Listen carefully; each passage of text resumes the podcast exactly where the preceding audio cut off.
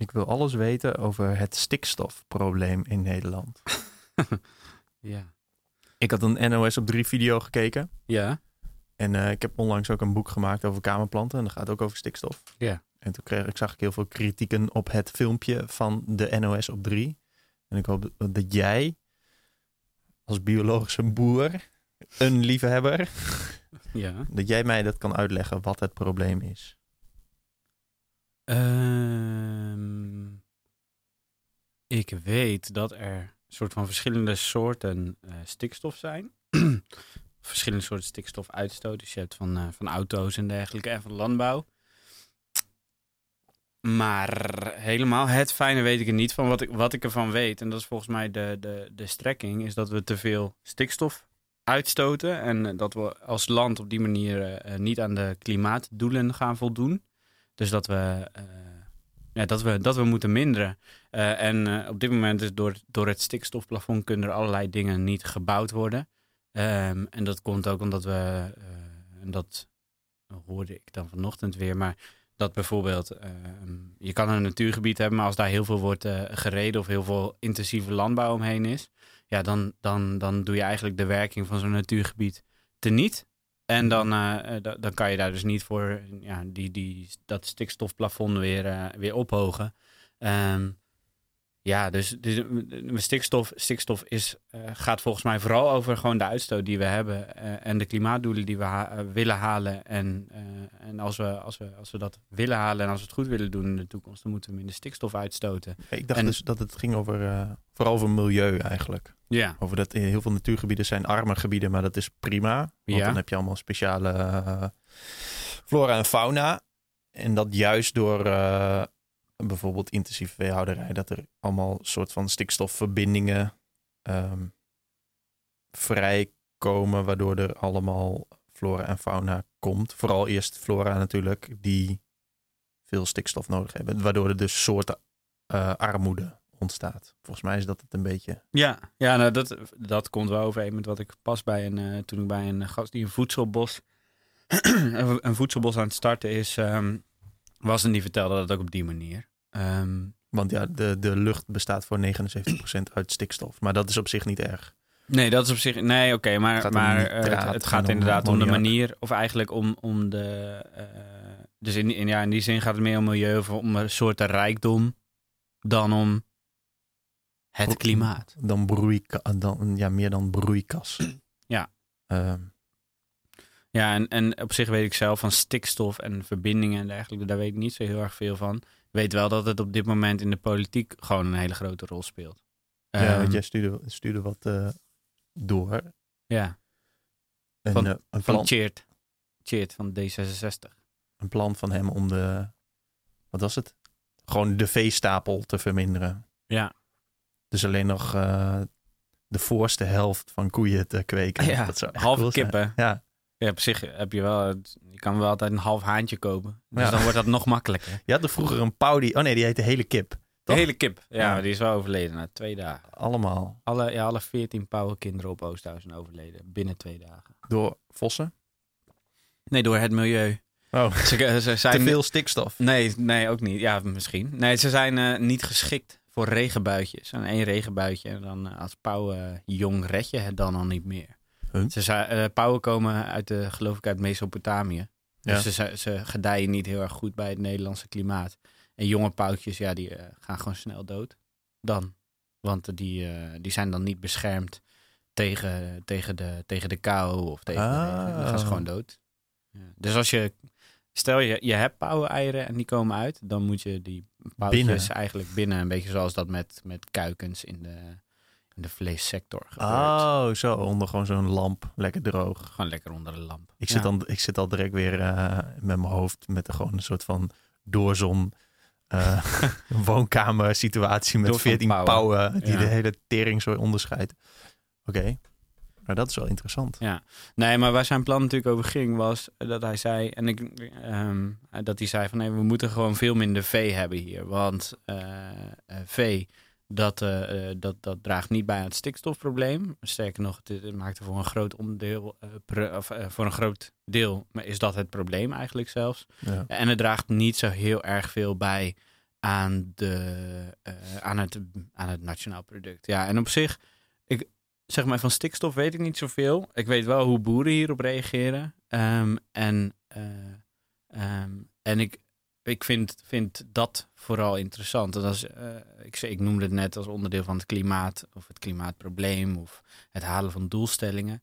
Um, maar volgens mij, uh, um, wat, daar, wat, er, wat er interessant is binnen dat hele verhaal, is de manier waarop mensen zich verhouden tot elkaar. En waar boeren zich door aangevallen voelen, uh, wat burgers vervolgens weer niet begrijpen. of er minder vlees moeten eten en zo ja, hoe dat dan eigenlijk moet. Um, en de manier waarop boeren überhaupt communiceren. Want nu, nu zag ik wel allemaal tweets van boeren die zeggen: ja, uh, ze willen ons niet, en, uh, maar we produceren voor de wereldmarkt. We zorgen dat er geen honger is. Um, waarom moet mijn werk verdwijnen? Um, ja, terwijl, ja, ja, ja ik, ik appte gisteren met een boer ook, Klaas Wolters. En die, die belde me, want hij zat uh, op de trekker, dus hij kon niet appen. En toen uh, ze belde die en toen hebben we even een beetje gepraat. En toen uh, zeiden ja, heel veel boeren zitten er emotioneel in. Ja. En toen zei ik, maar jij niet? En toen zei hij nee, emoties zijn voor geboortes, bruiloften en begrafenissen. en uh, nou, hij zei dus, ik zie dit hij vooral... Hij kwam vast uit het noorden van het land. Zeker, Klaas Wolters uit Winsum. Maar hij zei, um, ja, ik zit er wel wat minder emotioneel in. Um, ja, ik ben boer, maar ik ben ook vooral ondernemer. Ja, mm. en, uh, en als ik uh, geen koeien meer heb straks, nou, geloof ik, ik weet niet hoeveel koeien die heeft. Maar als ik straks geen koeien meer heb, ja, dan moet ik misschien een pompoenen gaan verbouwen of, of iets anders. En dan zei ik, ja, en voor mij, zeg maar, hier in het noorden is het, is het stikstofprobleem niet zo groot als in de Randstad. Dus ik hoef me als boer niet zoveel zorg te maken. Ik ben best wel grondgebonden. Ik heb best wel voldoende land voor, voor mijn koeien. Mhm. Mm -hmm. Dus dat is, dat is allemaal niet het probleem. Uh, maar heel veel boeren nemen, dat, nemen, nemen zoiets super serieus. En ik, als, als iemand zegt, ja, de helft van de, van de veestapel moet verdwijnen, dat betekent dat dus ook de helft van de boeren of het werk van de boeren zou verdwijnen. Dus dan Mhm. mm. ben je als boer geen boer meer. En ik vind een soort van die emotionele verbinding die uh, boeren blijkbaar hebben met hun vak wel, uh, ja, wel interessant. En ik stel iemand zegt tegen ons, ja, jij kan voortaan uh, geen, uh, jij gaan, mag voortaan minder praten, jij moet voortaan minder praten of iets dergelijks, want je stoot te veel uit. Um, ik weet niet, zou dat voor ons net zo persoonlijk voelen, maar dat is niet echt een goed voorbeeld. Maar Nee, iemand zou zo moeten zeggen van, Nee, het, is gewoon, het gaat gewoon om dat iemand anders zegt: jij, jij mag niet meer doen waar je eigenlijk waar je je bestaansrecht aan ontleent. Ja, Op allerlei verschillende niveaus. ja, Dus eh, met geld, maar ook de soort van zingeving ja. en eh, contact met de wereld. Maar ik, ik snap gewoon niet zo heel erg goed dat dan elke keer wat er vervolgens gebeurt. Dat, zeggen maar, dat mensen zeggen, ja, maar jullie willen wel 120 kilometer per uur rijden. Eh, en ja, jullie willen wel allemaal eh, eh, eh, grote huizen eh, overal neerzetten. Ja, dan zijn wij als boer de kop van Jut. Ik snap, snap niet zo goed dat zij dan zeggen, ja, blijkbaar ligt het probleem alleen bij ons. Of jullie willen wel blijven vliegen. Het is een soort van systeemoplossing. Volgens mij moet iedereen wel... eh, uh, uh, minderen uiteindelijk, om het een beetje vol, volhoudbaar te houden. Ja, en, en de boeren zijn, zijn dan nu kop van jut. Want op zich denk ik wel dat het, dat het voor de politiek een, um, een vrij makkelijke groep is om aan te, aan te pakken. Je kan wel zeggen, de boeren zouden iets, uh, iets anders moeten doen. Um, dat ja, dat, dat een makkelijk aan te spreken groep of iets dergelijks. Of, of voelt voor ons als burgers best wel als een geheel. Terwijl jullie zouden minder moeten vliegen daar zitten ook weer zoveel uh, economische belangen, partijbelangen aan vast. En, en het is wel interessant dat D66 het heeft gezegd. Want D66 is niet echt een boerenpartij. Nee. En je zag uh, gelijk ChristenUnie, CDA en VVD, waar veel meer boeren bij zitten, ook gelijk weer in de krimp schieten en zeggen: ja, maar uh, wij produceren voedsel voor de wereldmarkt. En, uh, en het is juist goed. En we moeten achter het geweldige werk van onze boeren staan. Terwijl ja, ja, ja ik zijn, vind... het zijn een beetje ehm, soort van conservatieve argumenten. Eigenlijk is het argument, we doen, we doen dit altijd zo. Ja. En we werken hard. Dat is het, natuurlijk altijd een stom argument. Ja. Maar wat ik dus wat ik niet helemaal snap. Kijk, als het als kritiek of een soort van. Uh, ja, als het jezelf aangaat, snap ik heus wel dat je direct op je achterste poten gaat staan. Ja.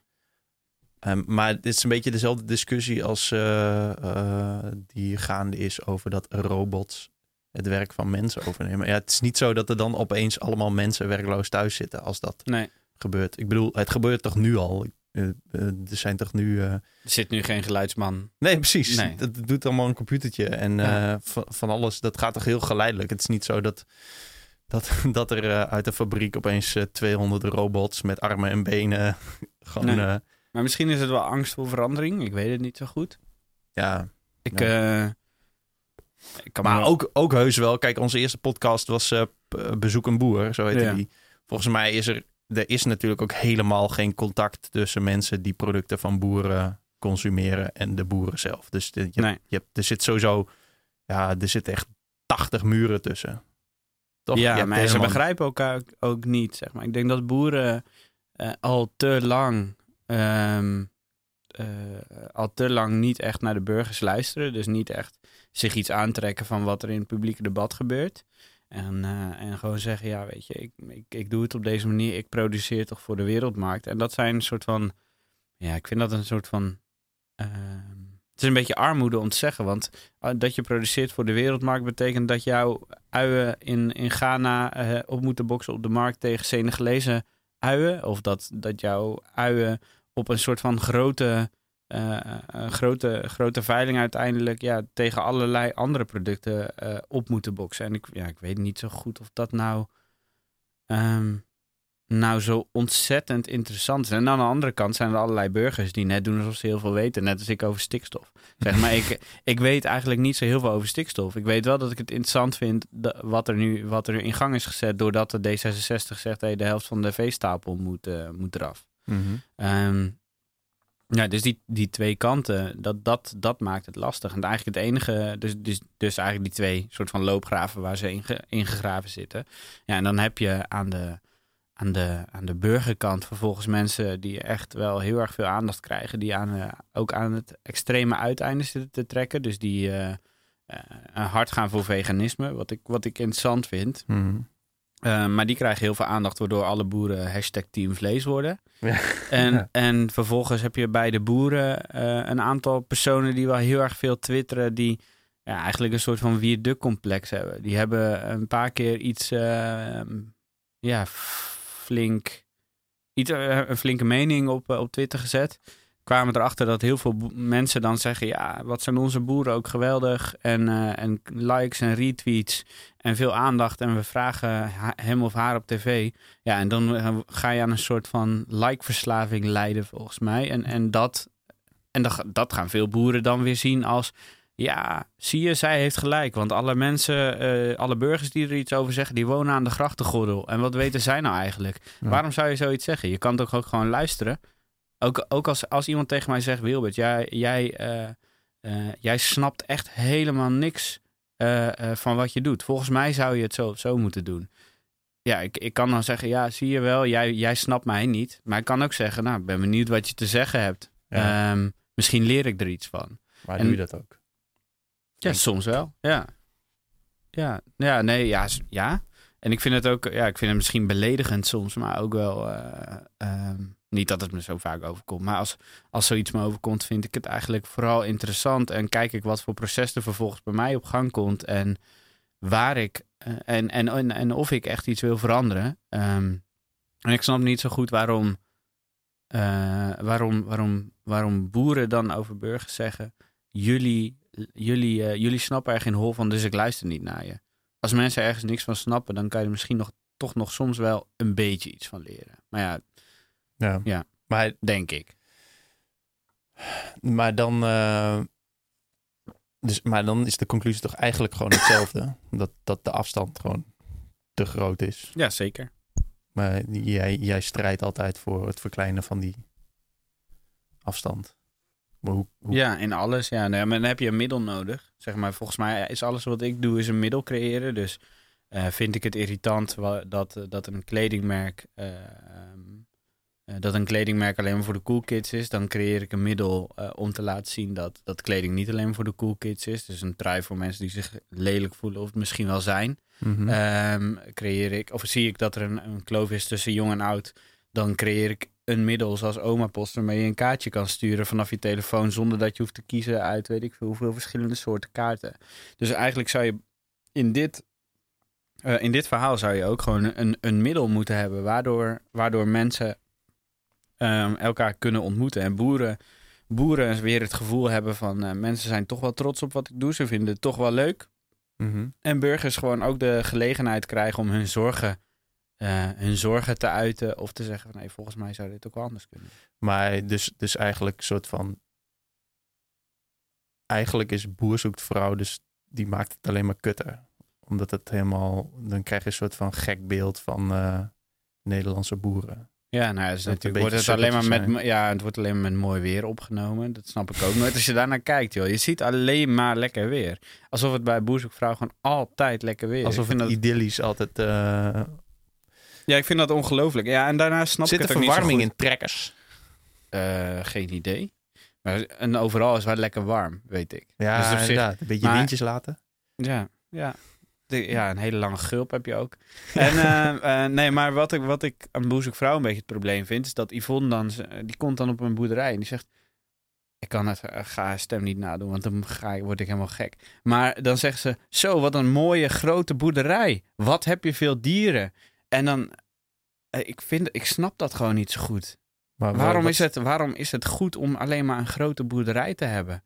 En, eh, eh, eh, je en, en wat kan zij nou zeggen over je dieren zien er goed uit? Wat eh, weet Yvonne nou, wat weet Yvonne nou van hoe een, hoe een koe er gezond uitziet? Ja. En, dus, ik- ja, en, en daarnaast is het natuurlijk gewoon karikaturaal. Er zitten natuurlijk boeren bij die... eh, ehm, ja, nou ja, nee, dat is gewoon karikaturaal. Hoe, ze- hoe, eh, of het is een beetje een karikatuur, hoe die boeren neer worden gezet. En, en zij, eh, eh, zegt, is, zij is wel heel erg duidelijk voor de lijn van... oh, wat een mooie grote boerderij. Geweldig. Je bent een goede ondernemer. Terwijl jij, ik vraag me af of, eh, of intensieve veehouderij nou echt de mooiste boerderij is. Ja. Wat is de mooiste boerderij dan? Die uit de Little Big Farm?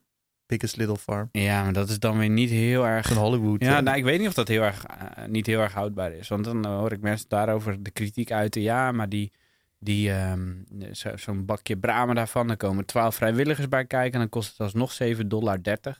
Maar ja, misschien is dat wel een realistischere prijs voor een bakje bramen dan, Ja, eh, dan die 1,20 euro bij de appie. Ik weet dat niet zo heel goed. En ik weet niet, ik, ik denk wel dat het, eh, ik denk niet dat je kan zeggen, dit is de allermooiste boerderij. Maar ik hou wel, ehm, en dan gaat het niet over het voeden van de wereldmarkt, maar ik hou juist wel van dingen nog een beetje kunnen snappen. Dus wat kleinere boerderijen die wat meer direct leveren. Maar ja, los van, of dat hoeft niet per se het meest duurzaam te zijn.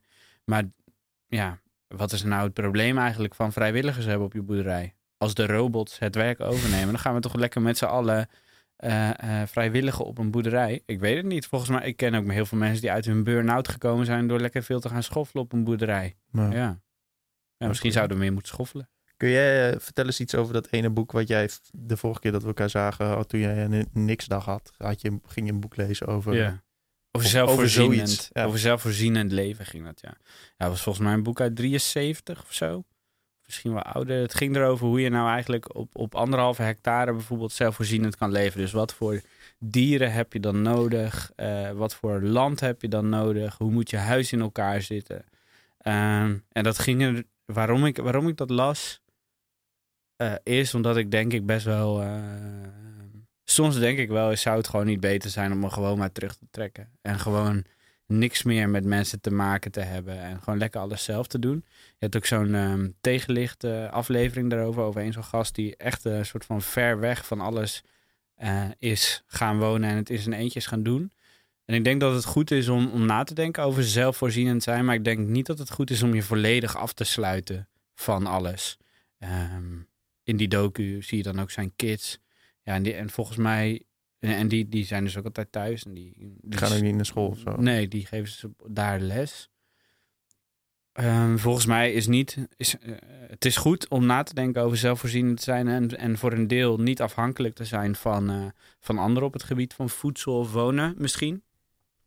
Ehm, maar de oplossing zit ook heel vaak juist wel in verbinding. We- Bijvoorbeeld met auto's zou misschien auto delen eh, een veel beter idee zijn. En dan kan je inderdaad niet altijd als je het wilt in de auto stappen. Mhm. Maar misschien is dat ook wel onzinnig om dat te verlangen dat dat kan. En dat, dat, dat, dat, zo'n boek vind ik heel leuk hoor. Want dan je, je krijgt er heel veel kennis door. Want je snapt beter wat voor gewassen het nu eigenlijk zijn. Wat je in welk seizoen doet.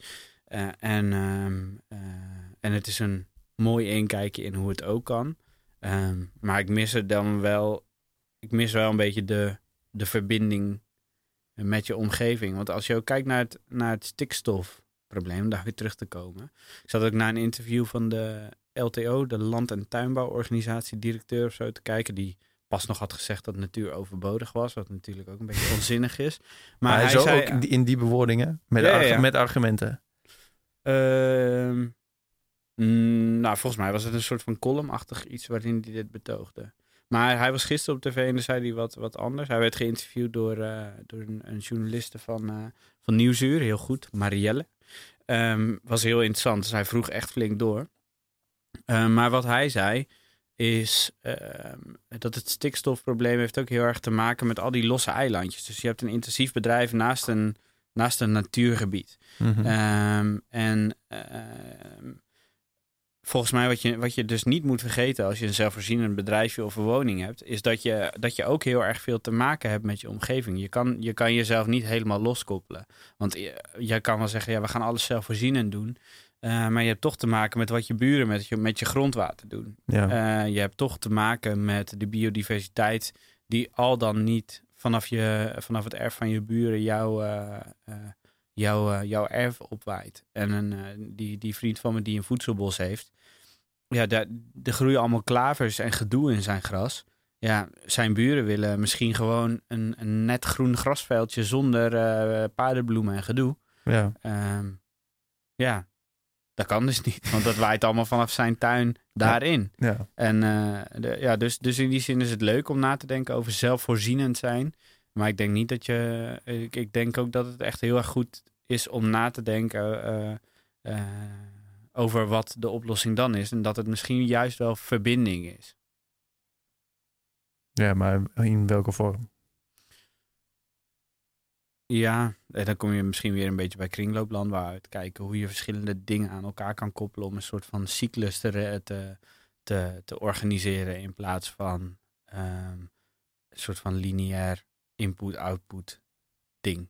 Maar kun je een voorbeeld geven Van, van van, van dat, wat je, die kringlooplandbouw?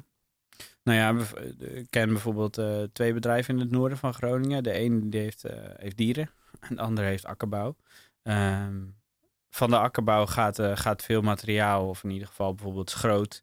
Dus, dus materiaal wat niet per se voor menselijke consumptie meer geschikt is, gaat naar die dieren. Mhm. Die dieren die poepen en eh, die mest, die gaat weer naar het akkerbouwbedrijf. Maar in, in, in de normale moderne wereld wordt het gewoon allemaal op de wereldmarkt, om het zo maar eventjes heel simpel te zeggen, Mhm. verhandeld. Dus het zou best kunnen dat je, dat je zeg maar, omdat het, omdat het waarschijnlijk goedkoper is, dat de ene boer zijn mest ergens, ergens naartoe brengt. En dat uiteindelijk via allerlei wegen toch weer bij zijn buurman komt die eh, daarmee zijn eh, akkers bemest. Ja, dat zou kunnen. En wat eigenlijk Nou ja, maar dan zitten daar dus allemaal, en dat is een beetje eh, überhaupt het probleem van het voedselsysteem. Dan zitten daar dus allemaal partijen tussen die daar iets mee willen verdienen. ja, Terwijl als je het rechtstreeks zou regelen, dan zou het eh, veel beter meetbaar zijn. eh, sowieso veel controleerbaarder.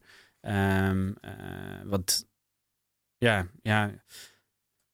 En dingen een beetje lokaal oplossen is ook juist wel ja, hm, soms, soms nuttig. Eh, ik vind het onzinnig bijvoorbeeld als je kijkt naar het afvalsysteem in Nederland, dat elke gemeente daar een losse visie op heeft. Want dan woon jij in Schubbekutteveen en dan moet je eh, al je afval scheiden. En dan woon je één gemeente verder en dan hoef je niks meer te scheiden. eh, omdat ze zo'n goede afvalscheidingsinstallatie hebben of iets dergelijks. ja. Het zou wel handiger zijn, denk ik, als er gewoon in Nederland een algemene standaard zou zijn van hoe je je afval moet, moet inzamelen. Dus zulke dingen zou ik wel weer landelijk regelen. Maar bijvoorbeeld je mest zou je misschien beter lokaal kunnen doen. En Want ehm, ja, waarom, waarom zou je alles op een, op een wereldmarkt laten terechtkomen en vervolgens vanaf daar weer herdistribueren of redistribueren? Of weet ik veel hoe je dat zegt. Ja, maar ja, de, het antwoord is heel simpel. Is dat het gewoon makkelijker is. Het is ook makkelijker, ja. Maar wat is... Of tenminste, in theorie is het makkelijker. Ja. Ja, maar blijkbaar organise- of, of, of veroorzaakt het daardoor wel een paar eh, problemen. En die problemen die zitten dan... eh, ja. Die problemen die, die, die ontstaan dan doordat er eh, een, een soort van strijkstok tussen zit. Dus iemand die er ook weer geld aan moet verdienen bijvoorbeeld. Ja. De distributie of weet ik veel wat. En ik weet niet...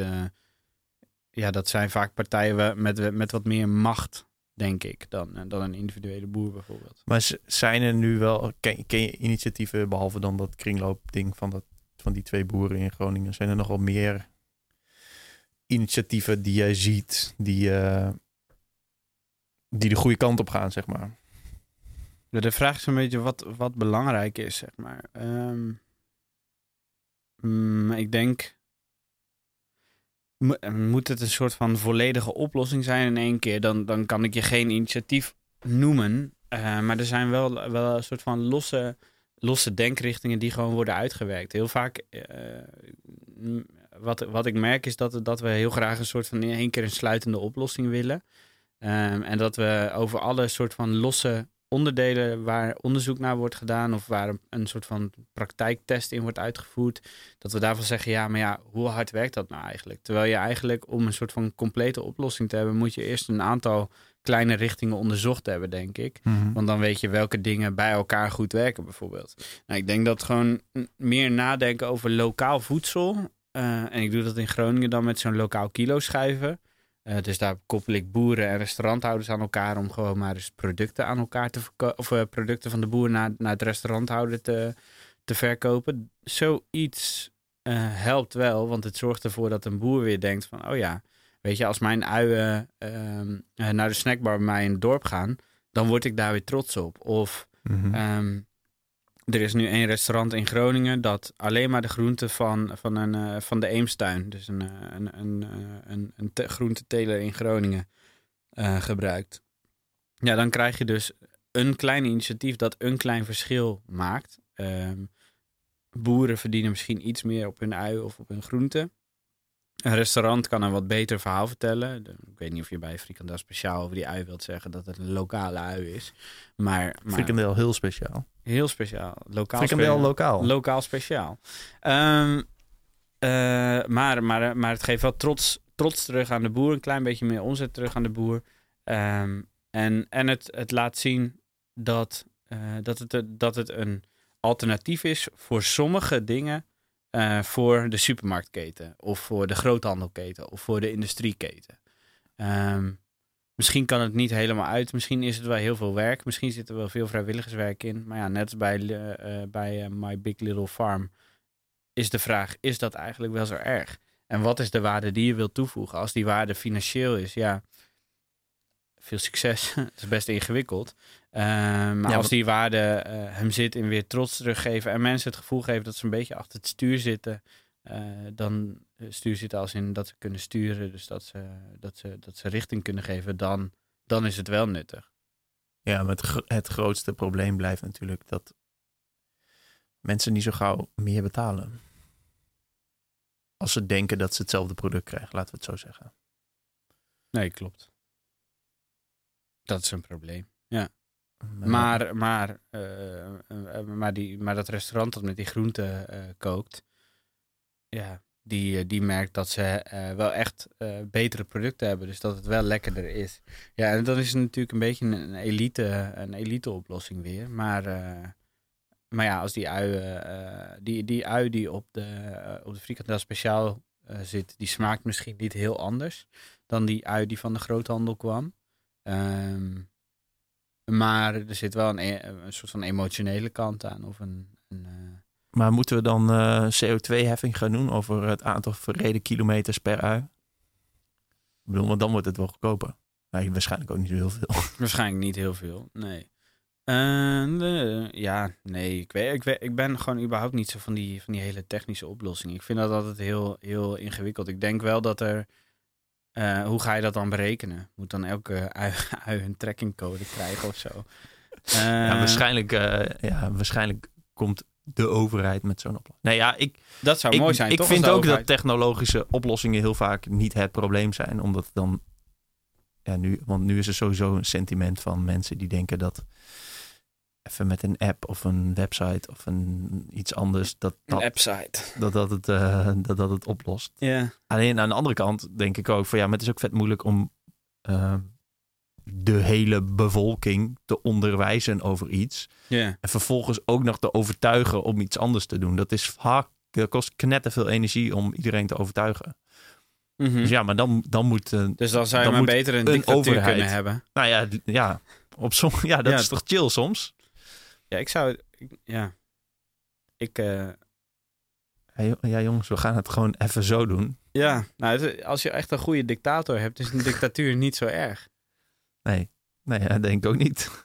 Nee, want veel van die oplossingen, bedoel ik, ik hoor je ook soms over vliegen, eh, over vlees, eh, over dat soort dingen praten. Ja, en dan het hele probleem van, van, de, van, van, de, eh, eh, van, van politieke partijen is dat ze elke vier jaar wel weer voldoende eh, eh, mensen moeten vinden die op hen gaan stemmen. Ja, Dus dan gaan ze zoals gisteren, dat dan Carola Schouten van de ChristenUnie zegt... ja, maar we moeten wel trots op onze boeren zijn. Terwijl daar ging het godverdomme niet over. Nee. Dus ik vind dat... ehm, dus, ik, ja, dus ik vind dat, eh, ik vind dat heel, heel raar. Ehm, volgens mij zou je...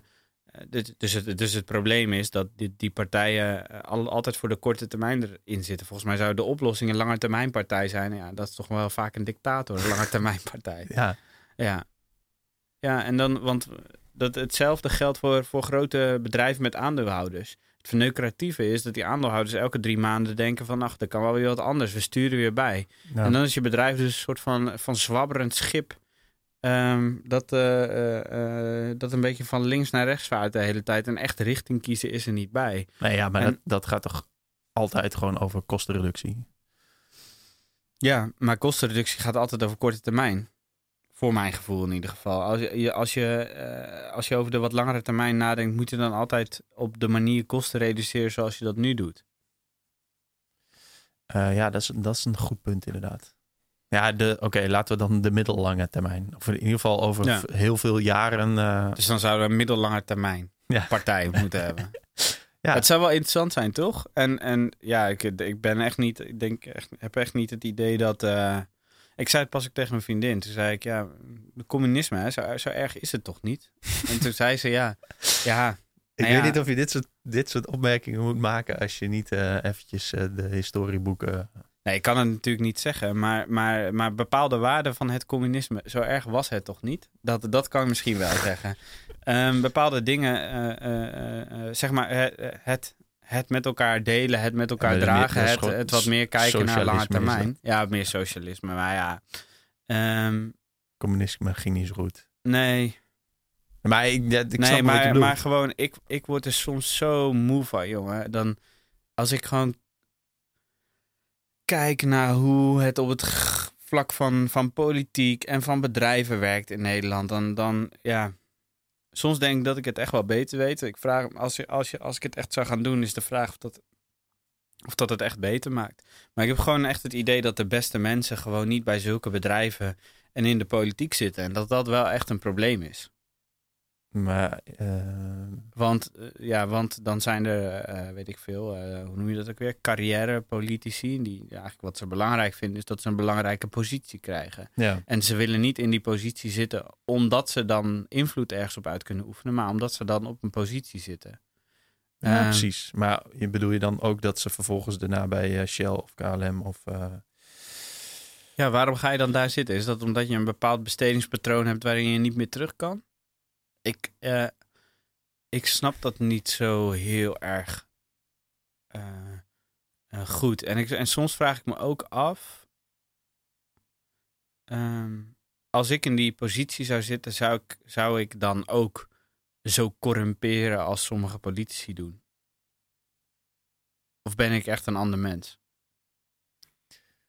Ehm, ja, dat is een goede vraag. Ja, ik denk, je kunt sowieso niet het antwoord geven omdat je die ervaring niet hebt. Nee. Dus je kan, waarschijnlijk denk je, denken jij en ik daar veel te makkelijk over nu. Ja, of we zijn gewoon, we hebben, of we hebben wel echt meer talent dan, dan dat soort mensen. Maar ja, ik, ik vind dat wel, ik vind dat wel, wel complex hoor. Ook gewoon omdat ik dan, dan, dan mensen bij een, eh, dan, dan, ik denk een keer zo mee aan een accelerator en dan van een, uh, van een, uh, een snoepbedrijf. En ehm, als, als, als soort van kritische gast word ik dan uitgenodigd en dan krijg ik geld. En van dat geld kan ik weer dingen doen die ik leuker of belangrijker vind dan, dan dat werk. Ik denk dat dat het wel is. Ja, um, ja en die waren ze bedachten allerlei hele leuke ideeën. En vervolgens uh, gaan we richting het eind van het traject. In de pauze wordt vooral over leaseauto's gepraat. En wat voor grote leaseauto jij binnenkort wilt, wilt nemen. En dan wordt aan het eind van het traject het geheel best wel afgezwakt. En dan heb je een halfslachtig idee waardoor je de wereld kan verbeteren als bedrijf. Ik snap gewoon niet zo heel erg goed hoe je nou zoveel energie in dingen kan steken. En dat je alleen maar lult en niet gewoon doet. Het, precies hetzelfde bij allerlei congressen van de gemeente. Pas had ik weer bij een congres van de, van de gemeente Groningen. En dat ging over Creative and Resilient City. Of zoals een stagiair het op uh, het bord bij de ingang had geschreven met krijt. Creative and Resilience Cities. En dat is dan een sessie. En, maar het is gewoon een hele, dat zijn luxe, luxe Engelse termen voor uh, Groningse nukkigheid. Creatieve en veerkrachtige ja, Resilience is toch gewoon robuust? Ja, dus veerkrachtig zelfs. Volgens mij is resilient. Ja, ja oké. Ik weet niet. Maar kan veerkrachtig en robuust is het. Ja. Um, want robuust kan veerkrachtig zijn, andersom. Nee, maar en, en ik ben dan wel een beetje cynisch. Want dan zit ik in die zaal en dan ga ik een beetje turven. Kijken wat ik denk dat, dat al die mensen per uur samen ongeveer kosten. Er zit dan 100 man of zo. Nou, gemiddeld van, uh, van 100 euro per uur denk ik. Mm Dan zit je daar dus met 100 keer 100, dat is 10.000, toch? Zit je 10.000 euro per uur op te fikken. Door een beetje met elkaar te lullen, een uur lang. En dan aan het eind van die sessie hadden we met z'n allen, weet ik veel, een, uh, een formulier ingevuld. Of een soort van, uh, noem je zo, een canvas. Ja. hadden we ingevuld. En dan, uh, toen zeiden ze, wat zullen we de volgende keer doen? Dus ik stak mijn hand op. Ik zei, nou, volgens mij zou het leuk zijn als we de volgende keer gewoon wat gaan doen, toch? Dat we gewoon iets gaan oplossen in plaats van met z'n allen te praten en een canvas in te vullen. En toen kreeg ik applaus. En dan vraag ik me altijd af, hoe kan dat nou dat je, dat je zoveel geld en zoveel kennis in de zaal hebt en dat niemand bedenkt, we kunnen ook wat doen op dit moment. Het zou volgens mij gewoon heel, en ja, hetzelfde bij, uh, bij, een, uh, bij een, een, een cultuurprijs die je hebt in Groningen. Daar is een prijzenpot van 15.000 euro. Nou, ik ben eigenlijk wel benieuwd wat, wat het de provincie kost om die prijs te organiseren. Of dat, of dat ongeveer gelijk is met die 15.000 euro. En de mensen die het dan organiseren, dat zijn niet mensen uit de creatieve sector. Waarom, waarom wordt daar dan weer een soort van Wie dat dan? Ja, uh, de, de provincie zelf. Dus een paar ambtenaren. En die, die ambtenaren die... Um, ja, die waren zelf niet echt heel erg goed in staat om de media te bereiken. Dus dat heb ik dan maar gedaan als onbezoldigd jurylid. Mm um, en dan wordt er de, de, de uitreiking van de prijs wordt dan georganiseerd door een van de meest uh, commerciële eventorganisaties van Groningen. Dan denk ik, als het over de culturele sector gaat, uh, uh, huur dan toch vooral niet alleen maar de, de grootste commerciële partijen in om zoiets te doen. Maar kijk welke jonge, veelbelovende mensen er misschien in de stad zijn of in de provincie. Provincie Groningen in dit geval. En kijk wat zij kunnen doen in plaats van dat je weer een soort van, van de, de, de, voor de usual suspects kiest. Al heel snel wordt er gekeken naar hele grote bedrijven, hele grote bureaus. De mensen die het altijd al doen.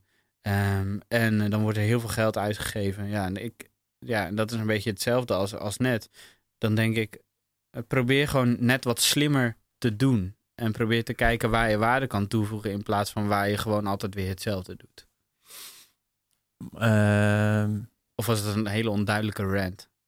Ja, wel een beetje. Ik weet ook niet meer wat de vraag was. nou, had het een beetje over de politiek, toch over de middellange termijnpartij. Ja, maar, maar het, het, het grootst, een, een grotere probleem, dat is waar ik op wilde inhaken, is dat eigenlijk toch helemaal niemand meer doet. Nee, mensen worden wij zijn, wij zijn ook niks aan het doen en nu.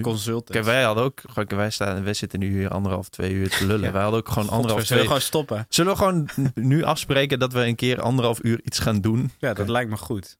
Daar heb je een podcast over doen. Ja, maar dan moeten we wel eventjes een creatief bureau met een camera mee. Want ik, Ja, anders heb je er niks aan. Hè? Het moet wel zichtbaar zijn. We moeten, het wel, we moeten er wel likes voor kunnen vangen. Maar wat gaan we doen dan? Kunnen iets, laten we iets leuks doen. Nou, wat we zouden kunnen doen is... eh, De frikandel lokaal. Ik vind het wel een goed idee, man. Frikandel lokaal. Ons doel is, is eh, Een lokale frikandel. gewoon, de gewoon eerst alle, loka of alle uienboeren in kaart brengen. Ja. En die koppelen. Aan nee, wacht. Je moet, een, je moet twee... eh, we gaan even techniek gebruiken. We gaan een kaart van Nederland met alle snackbarren. Ja. En een kaart met alle uienboeren. En dan Dan gaan je we kunt plotten. gewoon, ja, dan plot je gewoon welke uienboer zit het dichtst bij de snackbar. En die Ja. ga je met elkaar in contact brengen. En dan eigenlijk moet je dan een e-mailadres maken die automatisch e-mailadressen verstuurt via via. En dat je dit, en eigenlijk moet dit Eh, anoniem gebeuren. Een anonieme ui-twisseling. Ah, ah, ah. Nou, dan gaan we dit doen. Ja, dan gaan we dat doen. Ja, maar zoiets is wel... Dan denk ik, dan, dan ben je dus iets aan het... Wij zijn nu natuurlijk ook iets aan het creëren. Een soort van woordboom of zo met elkaar. En, eh, maar, Jawel, maar volgens maar dit, mij als je, dit als doet iedereen iets- in Nederland. Ja, ik bedoel, precies. iedereen is aan het lullen. Nee, ja. En aan het ja, zeker. Ja, maar, maar als, je, als je echt iets, iets bouwt en dan maakt het eigenlijk niet uit. Ik bedoel, er zijn waarschijnlijk nu mensen die hier naar luisteren die zeggen: "Wa- wat een dom idee. En hier en hierom werkt het niet. Maar dat betekent ik, nog ik niet. mocht die Wilpret sowieso al nooit. En die irritante kut gasten. Echt van die uihoofden. Ja. Maar, ehm, maar, maar het maakt denk ik ook niet zo heel erg veel uit of iets wel of niet gaat lukken. Het is alleen al leuk om het te proberen. En dat is al best wel nuttig. En dan ben je dus iets aan het doen en dan leer je Ja, maar ik dat, wel meer dat dan dachten dat je die lult. 100 mensen aan 100 euro per uur ook. Toen ze in het zaaltje zaten. Het is Ja, toch of leuk ze, of dat ze dachten, het is politiek handig dat ik hier zit. Eh, ja, dat is je cynisme Ja, dat, dat naar boven komt. Waarom, ben je, waarom is het goed dat jij het doet en het niet goed dat zij het doen? Nee, ik had er, was er ook liever niet bij geweest. Maar ja, dat was politiek handig dat ik er was. Ja, ik weet dat niet, man. Ik vind dat echt wel, dat vind ik juist wel heel ingewikkeld. hè. Maar, maar over de kracht van het, van het doen praten vind ik, vind ik denk ik wel, dat is een beetje contradictio in terminis natuurlijk. Maar ik vind, vind het wel echt nuttig om dingen te doen. Eigenlijk is dat precies hetzelfde probleem wat ik heb met, eh, met Oma Post. Oma Post is ook een soort van technische oplossing. Namelijk, we maken een app waardoor je, waardoor je wat makkelijker een kaartje stuurt. Ja. Maar gisteravond hadden we een evenement waarbij we met Oma Soep in Groningen, dat is een, eh, een bedrijf dat soep maakt samen met oma's en opa's, ehm, bij, een, eh, eh, eh, bij de Groene Stoel, dat is een café dan, wat heel erg gaat over verbinding tussen mensen. Ehm, gingen, we, gingen we soep maken met z'n allen en daarna een potje bingo spelen. Mhm. Eh, echte ontmoeting, mensen die elkaar eh, de hand schudden, mensen die eh, contacten uitwisselen en misschien weer eens een bak koffie gaan doen. Ja, dat vind ik dus wel een stuk. Dat vind, vind ik heeft minder, minder schaal dan zo'n app zoals Oma Post, maar misschien op dat moment zelf wel meer impact. Dus dat je wat met, met elkaar aan het doen bent, ja, dat vind ik wel, wel interessant. Ik heb ook vanochtend weer met zo'n oma een beetje zitten, zitten appen. Want die, ik had haar gevraagd of zij misschien voor een filmpje ook eh, niet van Oma Post, maar ergens anders van wilde. Even kijken, Willy heet ze. En ehm, toen eh, ik stuurde een foto door van een busje van RTV Noord. Want die wilde de vriendinnen van haar wilde die graag hebben. Mhm. Toen zei ik, Willy, kan je deze even doorsturen? Ja, Willy moet altijd alles doen, alles kunnen en zeggen. Haha, sturen ze sturen ze doen terug. Toen zei ik gemeen van ze. Toen zei ze, nee hoor, Willy kan ook nee zeggen. En ehm, toen merkte ik gelijk dat, dat doordat we dit contact hadden, dat er dan iets ontstond. Zei ze, nee, een groepje ouderen zijn we, we overlopen elkaar niet, maar doen gezellige dingen samen. We kunnen ook alles tegen elkaar zeggen, maar zijn er ook voor elkaar in nood. Bijvoorbeeld een vriendin van me werd s'nachts niet goed en die belde mij, mag ik bij jou in de stoel slapen? Ik ben zo duizelig. Natuurlijk, ze kwam, maar ik heb toch maar even alarm ingeschakeld en toen kwamen de zusters ons helpen. Toen heeft ze een paar dagen in het ziekenhuis gelegen, al is het ook in de nacht. Ik ben er voor ze.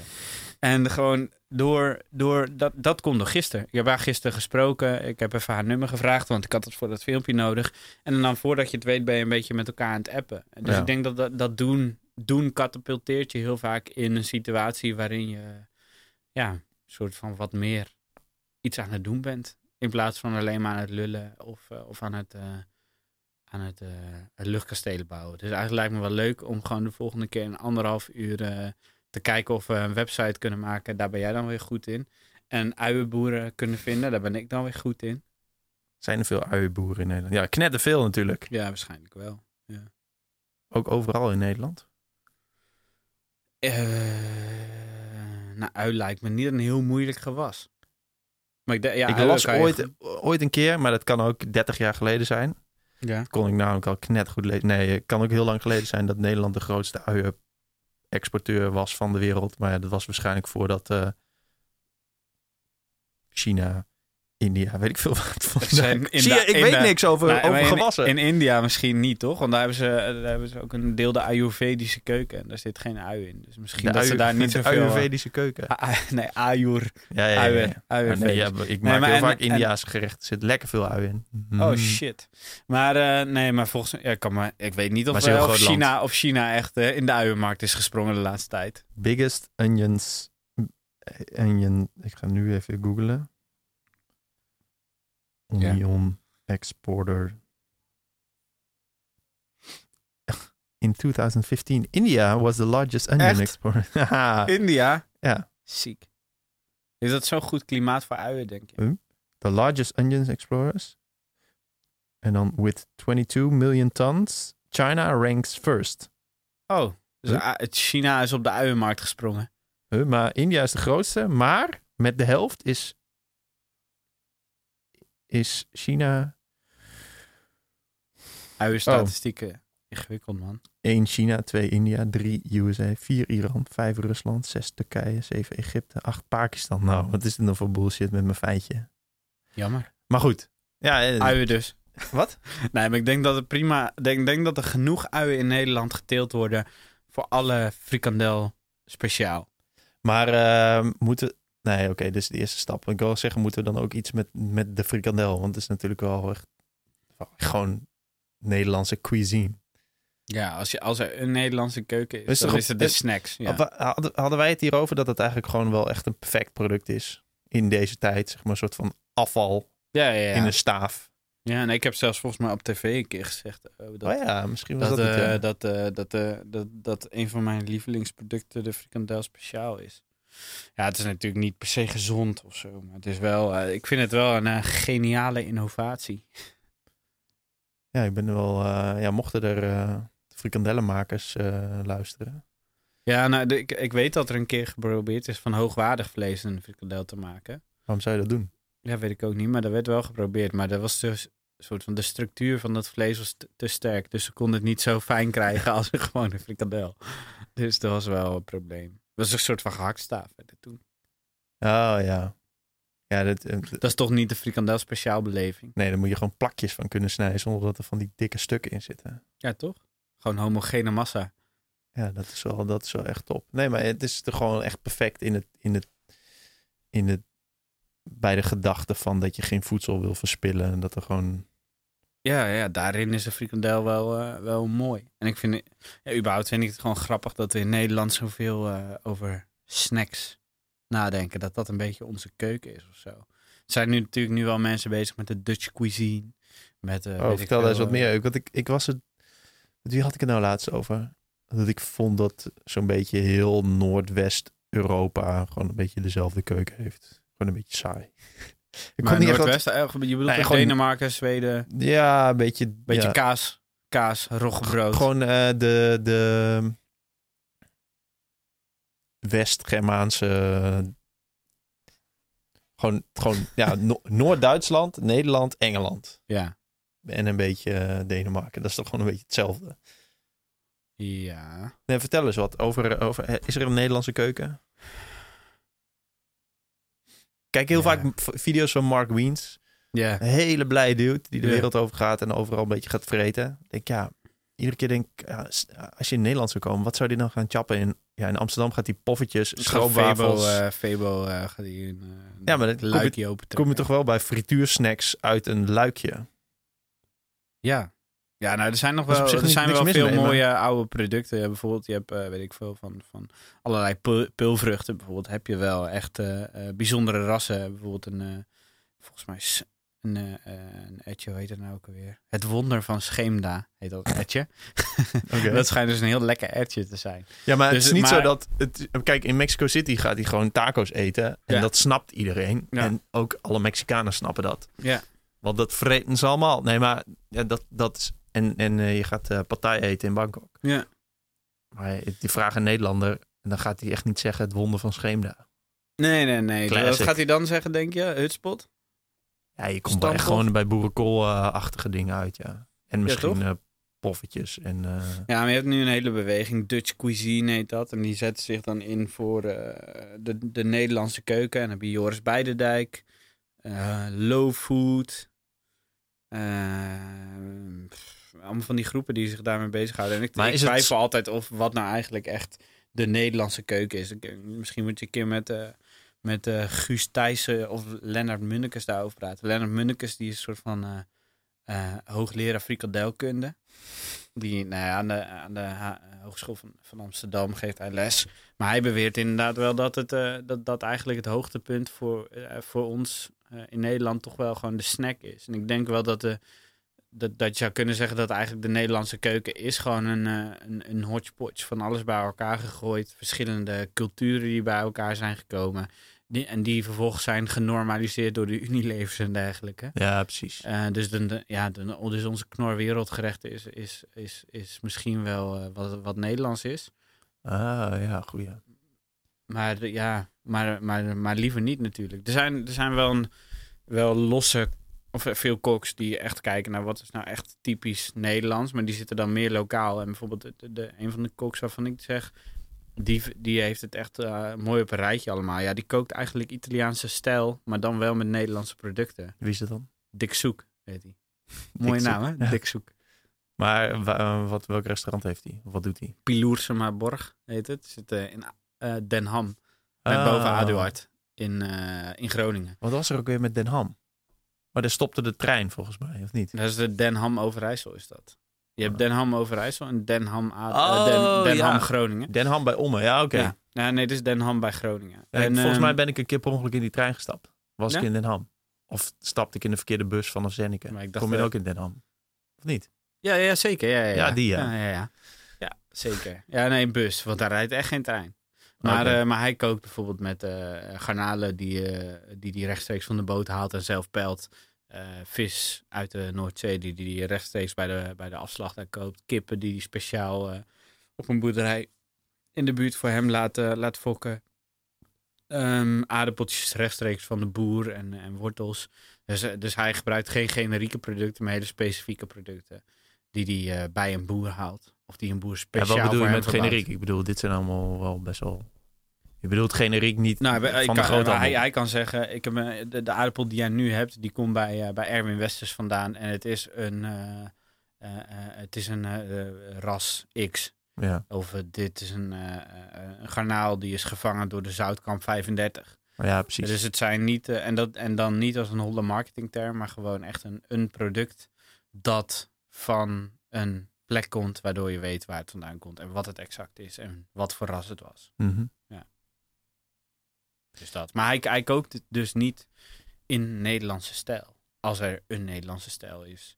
Ik Ja, Nederlandse stijl is gewoon twee minuutjes in de magnetron. Even doorroeren en dan nog een halve minuut. Ja, toch? Een Nederlandse, ja, dat is eigenlijk heel veel groente en een stukjes vlees en kleine stukjes hakken en dan in de wok. Ja, Dat is het toch? Ja, ja misschien. Ja. Maar misschien dat Knor wereldgerechten en, en, en Febo snacks. Knor wereldgerechten en Febo frituursnacks wel het en meest koekjes. zeggen. Is dat zo? Ja, koekjes, is dat een Nederlands ding? Ja, weet ik niet. Maar in, in de Nederland, volgens mij, ik ga graag naar supermarkten in het buitenland. En in Ja. de Nederlandse supermarkten heb je echt een knettergroot schap. met Ja, dat is echt eh, een heel pad.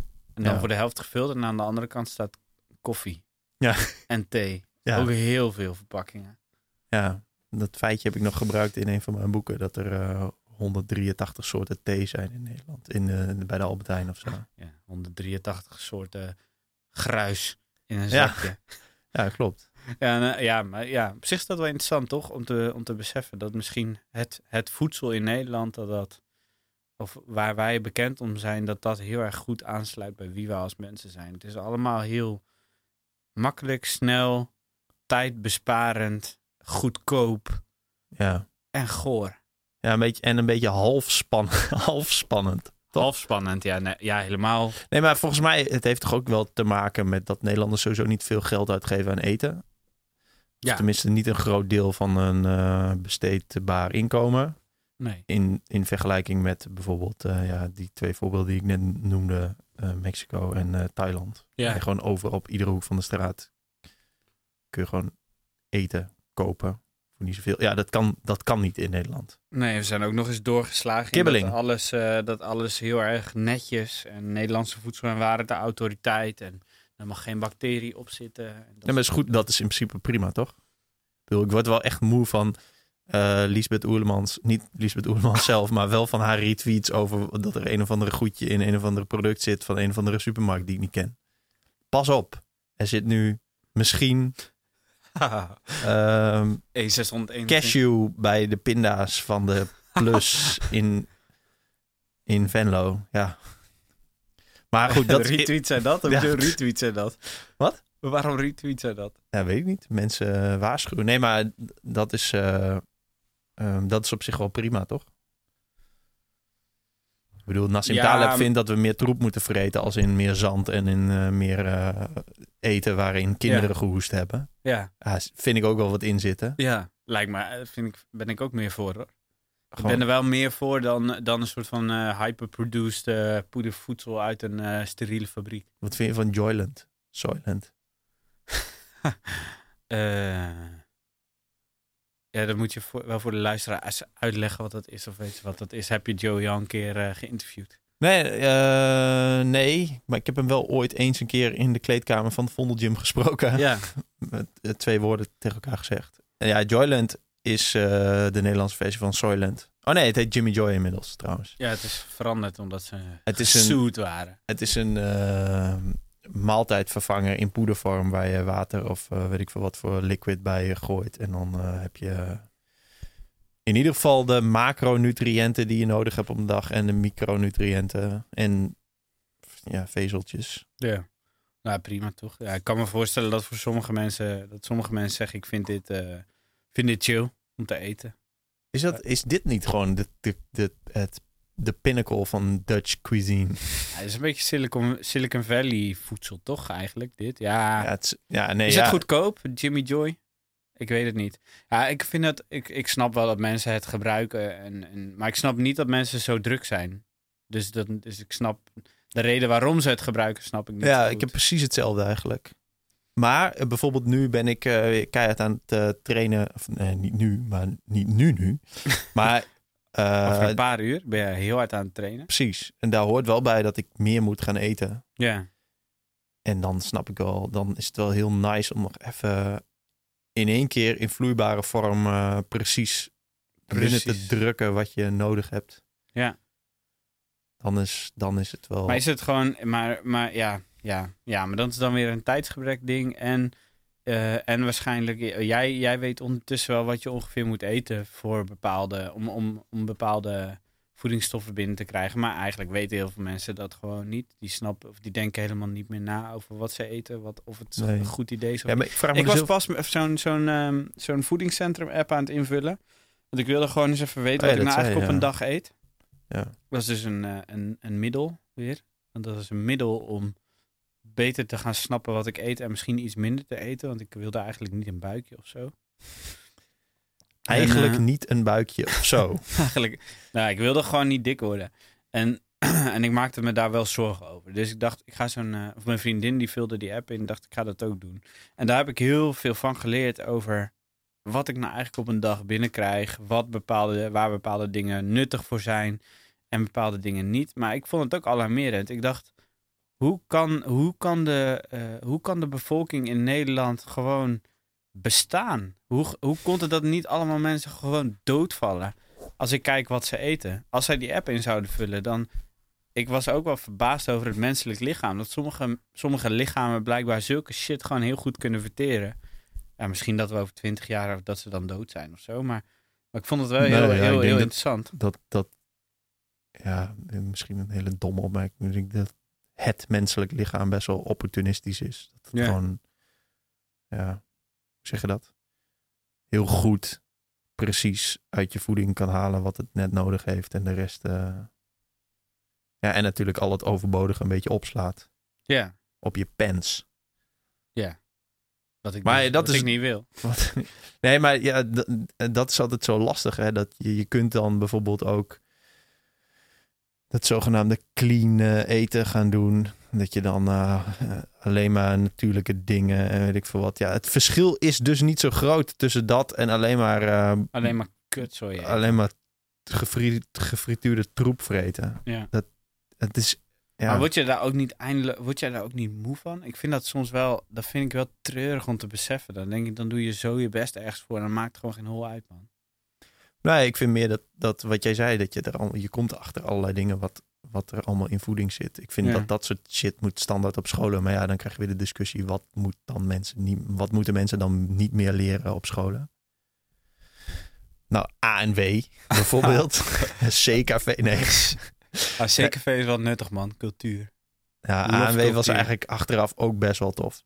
Maar ehm, ja, ik denk dat ik vind nog steeds dat dat heel erg gaat helpen. Dat als je gewoon, als je niet meer opgroeit met eh, in, in een kleine gemeenschap, eh, dat je gewoon nog eh, gaat spelen met de zoon van een boer en dan een beetje meekijkt terwijl die een koe slacht Ja. dan moet je op school gewoon onderwijs hebben over wat voeding is en wat het doet voor in ieder geval je, je lichaam. Ja, Dat- volgens mij is dat wel echt de oplossing van, eh, van, van, het, van een probleem waar je nu mee zit. Wat gaat over ongezond voedsel of eh, het verkeerd gebruiken van, van voedsel. Of, eh, Noem het vaak gewoon voedsel. Ja, je, er zijn gewoon basis dingen. Ook over net, nu, nu heb ik een boek over kamerplanten gemaakt. Ja, dat zet ik ook in hoe fotosynthese werkt. Ja, dat snappen dus ook heel veel mensen niet. Terwijl dat is ook echt een basis van hoe voedsel ontstaat. ja. Hoe, Maar moet je alles weten?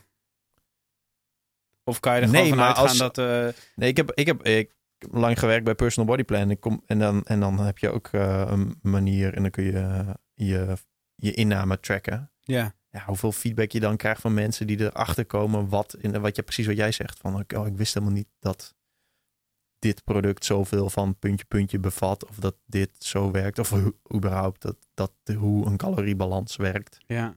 Ja, en wanneer leren mensen iets? hè? Als je iedereen verplicht om dat een maandje in te vullen, dan slaan ze misschien niet zoveel op omdat ze het zien als een moedje. En en terwijl als ze het vanuit persoonlijk interesse gaan doen, dan gaat het misschien wel veel impact maken.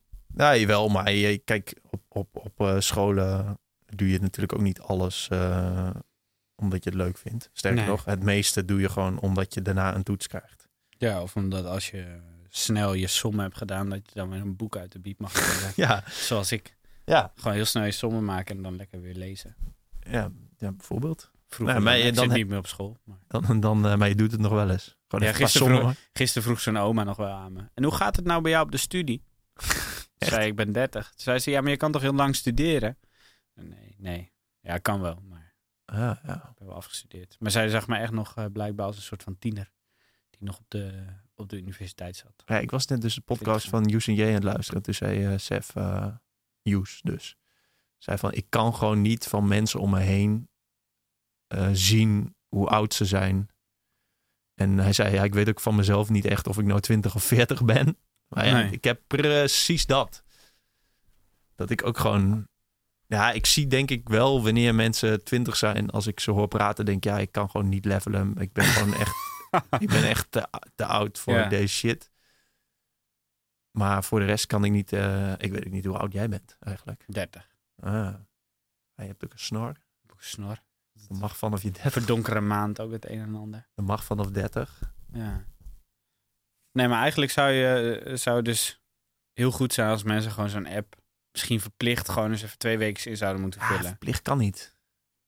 Jawel, toch? Dat moet de overheid De, e- ja, regelen? maar de enige de overheidsverplichting is school. Zeg maar een soort van curriculum. Ja.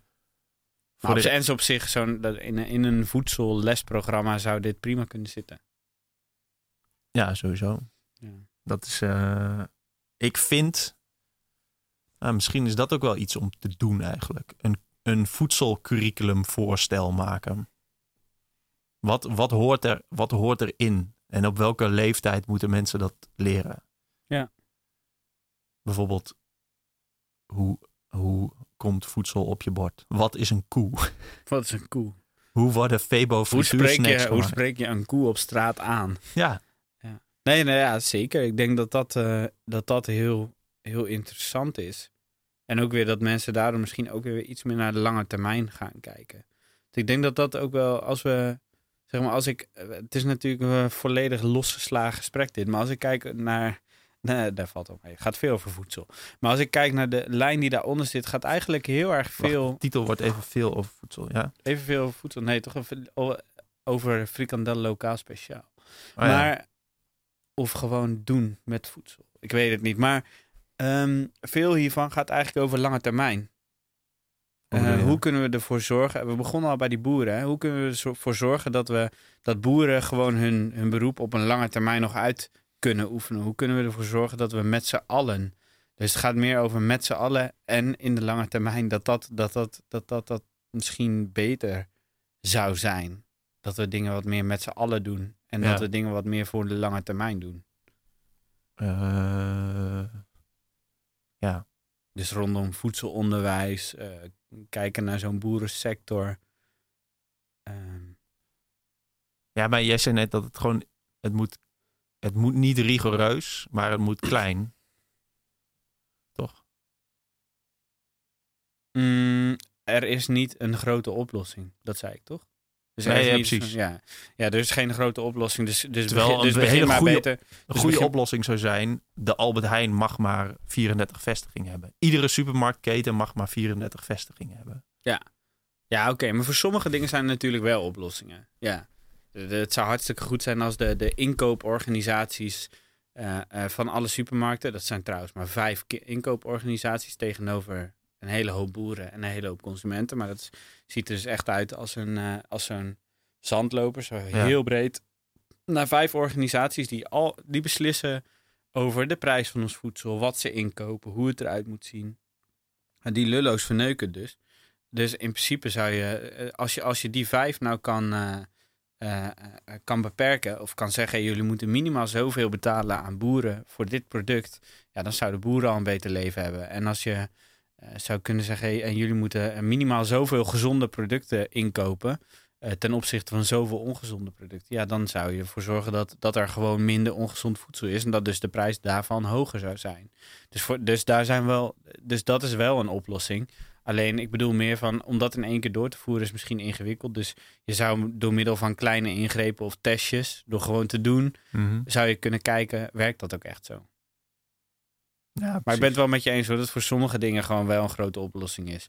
Eh, eh, gewoon kerosine, gewoon dat daar, dat daar een, een belasting op komt, bijvoorbeeld. Mhm. Dat, is, eh, dat is wel, maar dat is ook weer een, een deel van een oplossing natuurlijk. Maar als de overheid dat beslist, ja, dan maakt dat gewoon uit. Ja, maar dat is een beetje hetzelfde als met. als we het hebben over die veestapel. Ja. Ja, je, hebt toch gewoon die CO2-uitstootcertificaten dingen. Ja, Ja. Je kunt toch ook met vee doen. Je kunt toch gewoon zeggen van ja, op, eh, in, eh, in het jaar zo en zoveel mogen er maar zoveel stuks kippen, zoveel varkens, zoveel. Mhm. En dan gaan mensen lama's eh, kweken.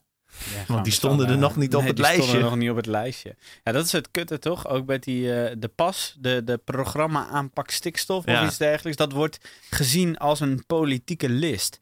Dan denk ik, hoezo ben jij politicus om een politieke list te verzinnen? Ja, Je, je gaat toch gewoon, eh, ga gewoon beleid uitvoeren? ja. Ik snap het gewoon niet zo heel goed.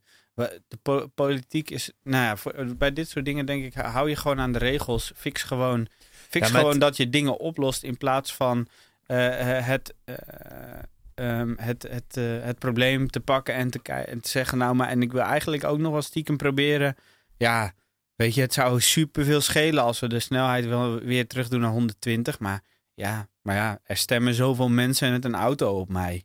Ja. Kijk gewoon, naar- donder op joh. Kijk gewoon naar wat, eh, wat er wel nuttig is.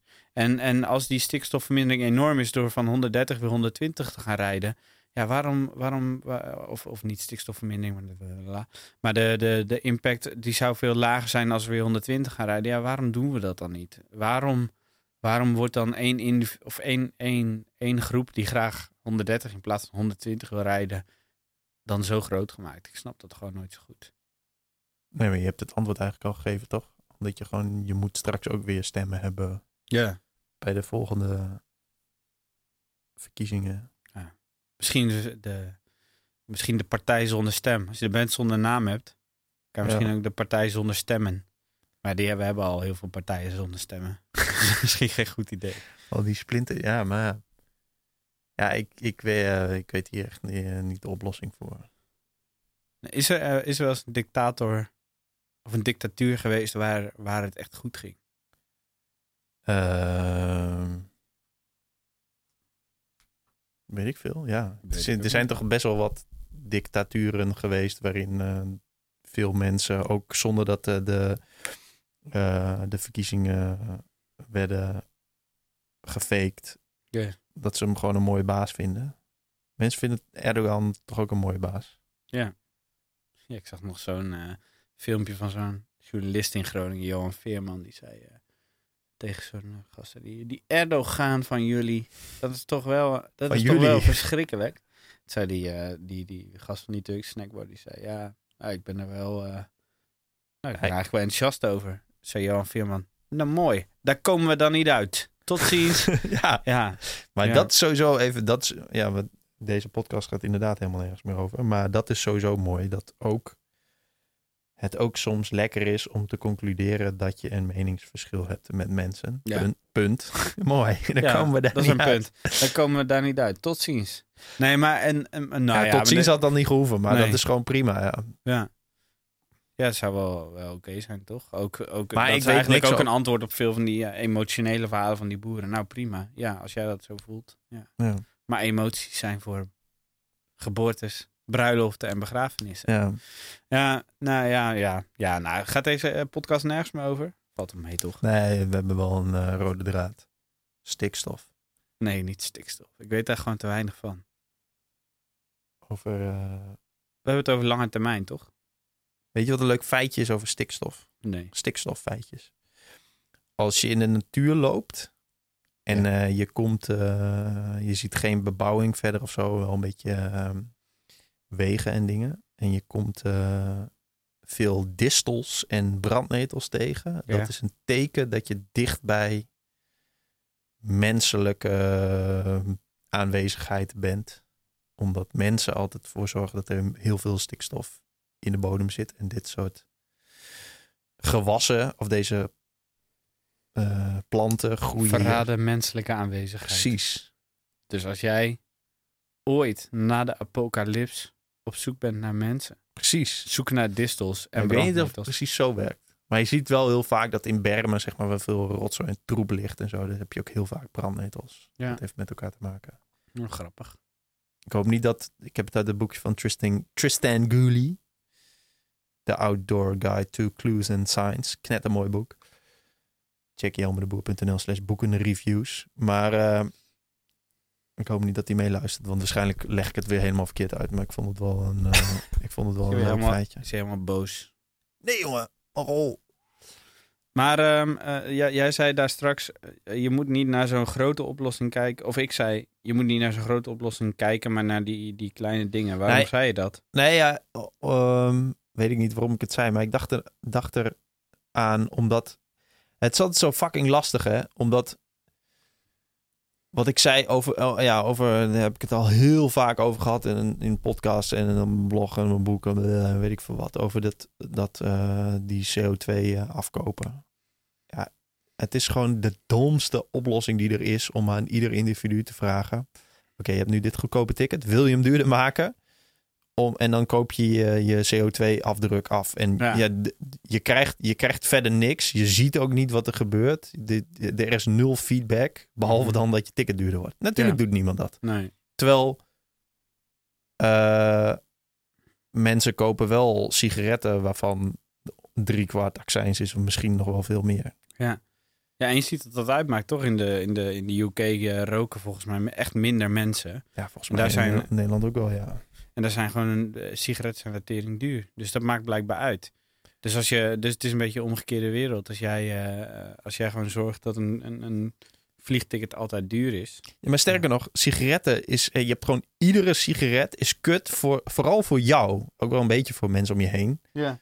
Maar vooral voor jou. En als die accijns er niet op zit, doen mensen het nog. Ja, en dan zeg je. Dan is het argument dat dan ja, met verslavend bla bla bla. Alleen. met, met eh, vliegen. En ik vind het sowieso irritant dat alles op een CO2-weegschaal moet. Maar dat is een andere discussie. Maar is het zeg maar. ehm, het, eff- het heeft niet direct op jou effect. Nee. Dus dan is het nog veel moeilijker om een soort van te vragen aan mensen om extra te betalen. Dus dan juist daarom moet, Moet het. moet dat gewoon Verplicht. door een, een overheid worden verplicht om daar meer voor te betalen. Ja. Daarom was mijn voorstel dus ook de, de CO, het CO2-codiciel. Als je het wil invoeren, zo'n heffing, Ja. dan moet gewoon iedereen dat doen. Tens, en als je het niet wil, moet je allemaal knettermoeilijke formulieren en DigiD en hele teringzooi. En dan kun je je geld terugkrijgen. Maar dat is ook wel ingewikkeld, toch? Die, bij wie ligt de verantwoordelijkheid? Uiteindelijk ligt dat bij al die consumenten of ligt het inderdaad bij de overheid? Want ik had pas zo'n McDonald's ding waarbij ik eh, allemaal afval van de McDonald's in mijn eh, voortuin, wou ik zeggen, maar gewoon in het gras voor mijn huis zag liggen. Ik vond dat irritant, want dat gebeurt elk weekend. Dan komen dronken mensen terug uit de stad, stappen in hun auto, er is er hopelijk een bob. En dan pleuren ze hun afval daar op, eh, op de grond. En ik had tegen, of ik had op Facebook wat tegen McDonald's gezegd en op Insta en Twitter. En dan gaan super veel mensen dus reageren. Ja, maar dat is toch niet de schuld van McDonald's? Dat is toch de schuld van de mensen die daar komen? Mhm. Terwijl ik vind dat dan wel, ja, ja, die mensen die kan ik niet allemaal één op één aanspreken. McDonald's kan ik wel aanspreken. En als iemand met oma post allemaal eh dickpics naar mensen gaat sturen, ja, dan ga ik dat toch proberen te voorkomen. Of misschien niet, het ligt er een beetje aan naar waar ze naartoe gaan en van wie die dickpic is. Maar dat is, daar gaat het niet om. Ehm, het gaat er meer om dat, dat als bedrijf, als bedrijf eh, eh, kan je aangesproken worden. En dan, dan heb je denk ik een sterke prikkel om iets te doen. Terwijl jij als consument, ja, ik kan zeggen, ja, Henk Jan, eh, of een, een zeker persoon gooide gisteren hier iets op het gras. Mhm. Ja, en misschien heb jij dat gedaan, maar zie je dat? Maar dan denk ik, ja, mijn tijd kan het wel duren. Terwijl de McDonald's kan er misschien wel iets aan doen. Maar als ik weet dat die zekere persoon Henk Jan heet en ik ga hem taggen met een foto op, op Facebook of zo, dan zou het misschien wel weer uitmaken. Jawel, maar dan is het weer een soort van public shaming-achtig Ja, iets. Terwijl een McDonald's, ja, die, die, daar mag je wel tegenaan schoppen. Dat is gewoon punch-up, toch? Altijd. In, in, in, in bijna dus alle gevallen is dat... oké. Ja. Maar ligt daar de verantwoordelijkheid ehm, voor het afval?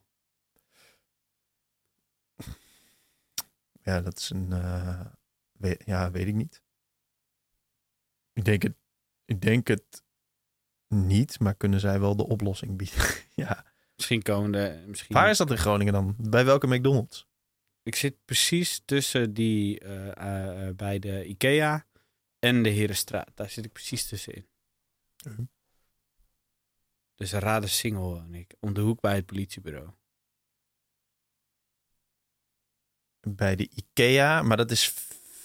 Oh, ja. ik weet het wel, ja. Maar ik denk eigenlijk dat het meeste afval van... Bij de Oosterpoort is dat? Ja. Oh, ja. Maar ik snap niet zo goed, waarom gooi je überhaupt iets uit je raam?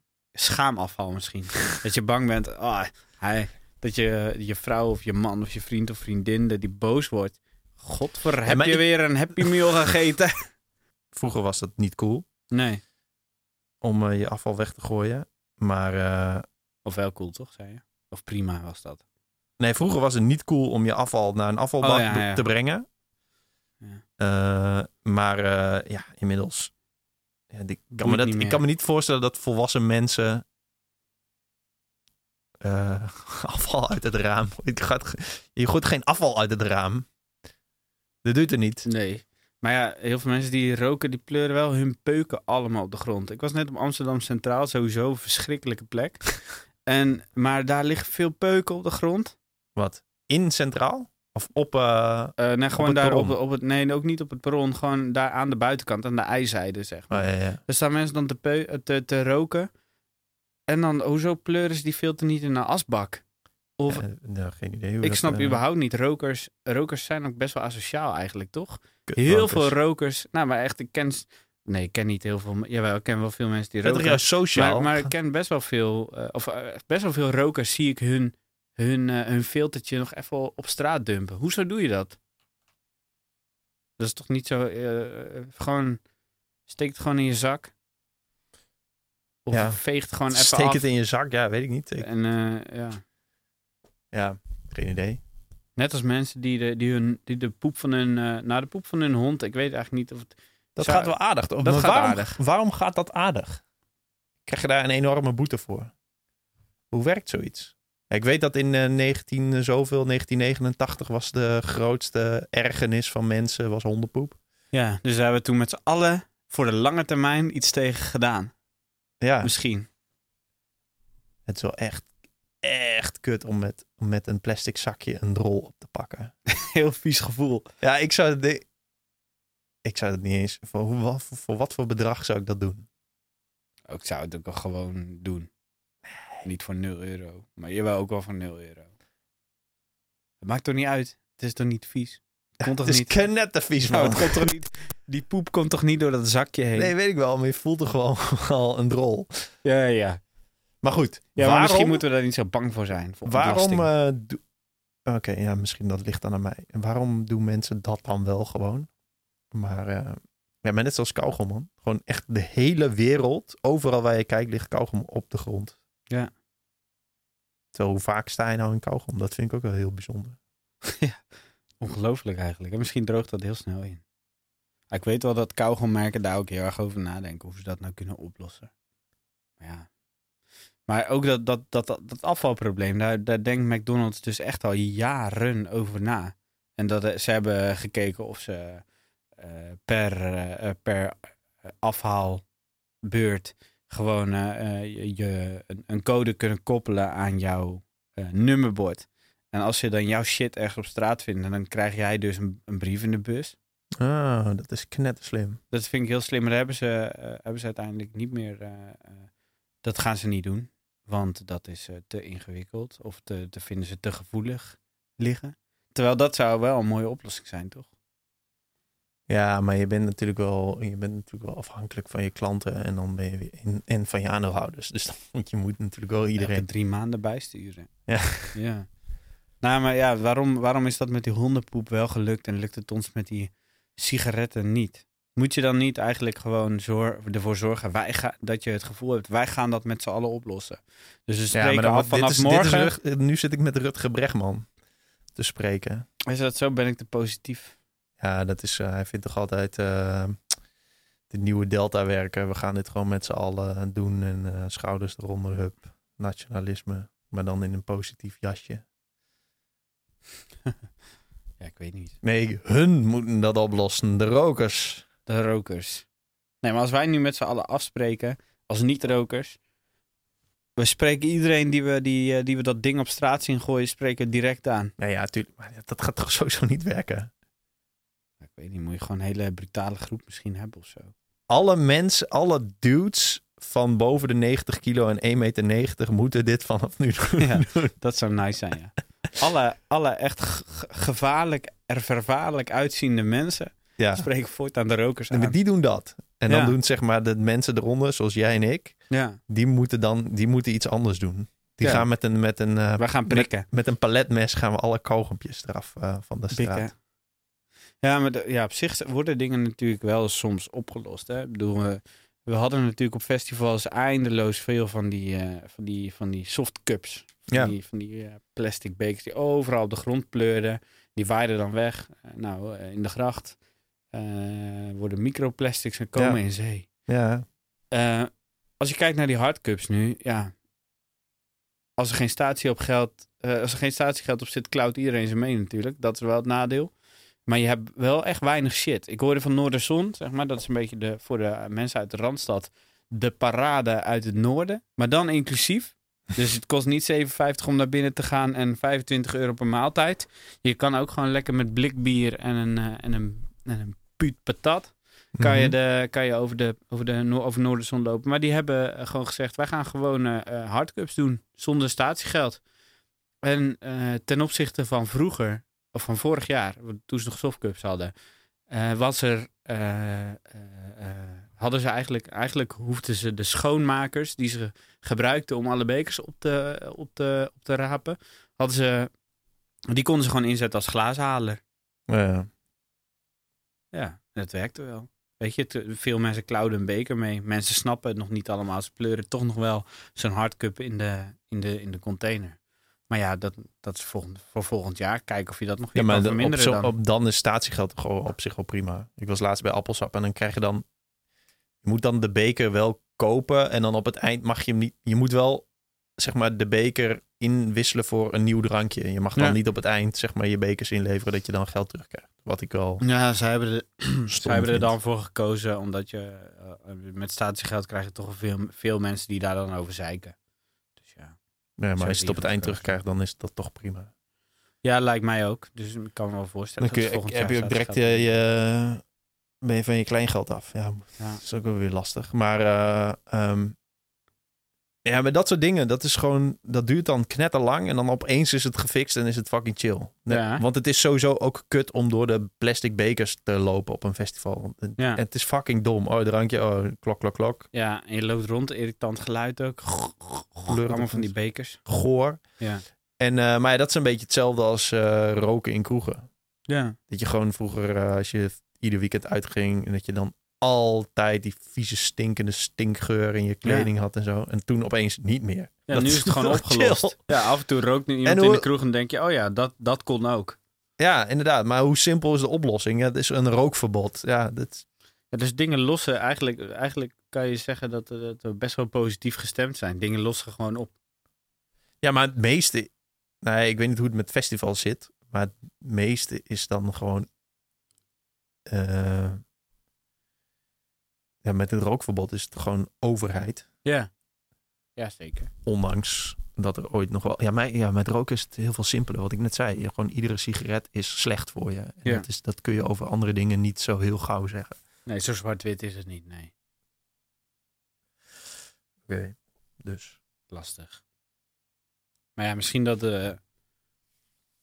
Ja, ik weet ook niet. Volgens mij is de, de hoeveelheid afval van McDonald's die uiteindelijk op, op straat belandt, is wel veel ten opzichte van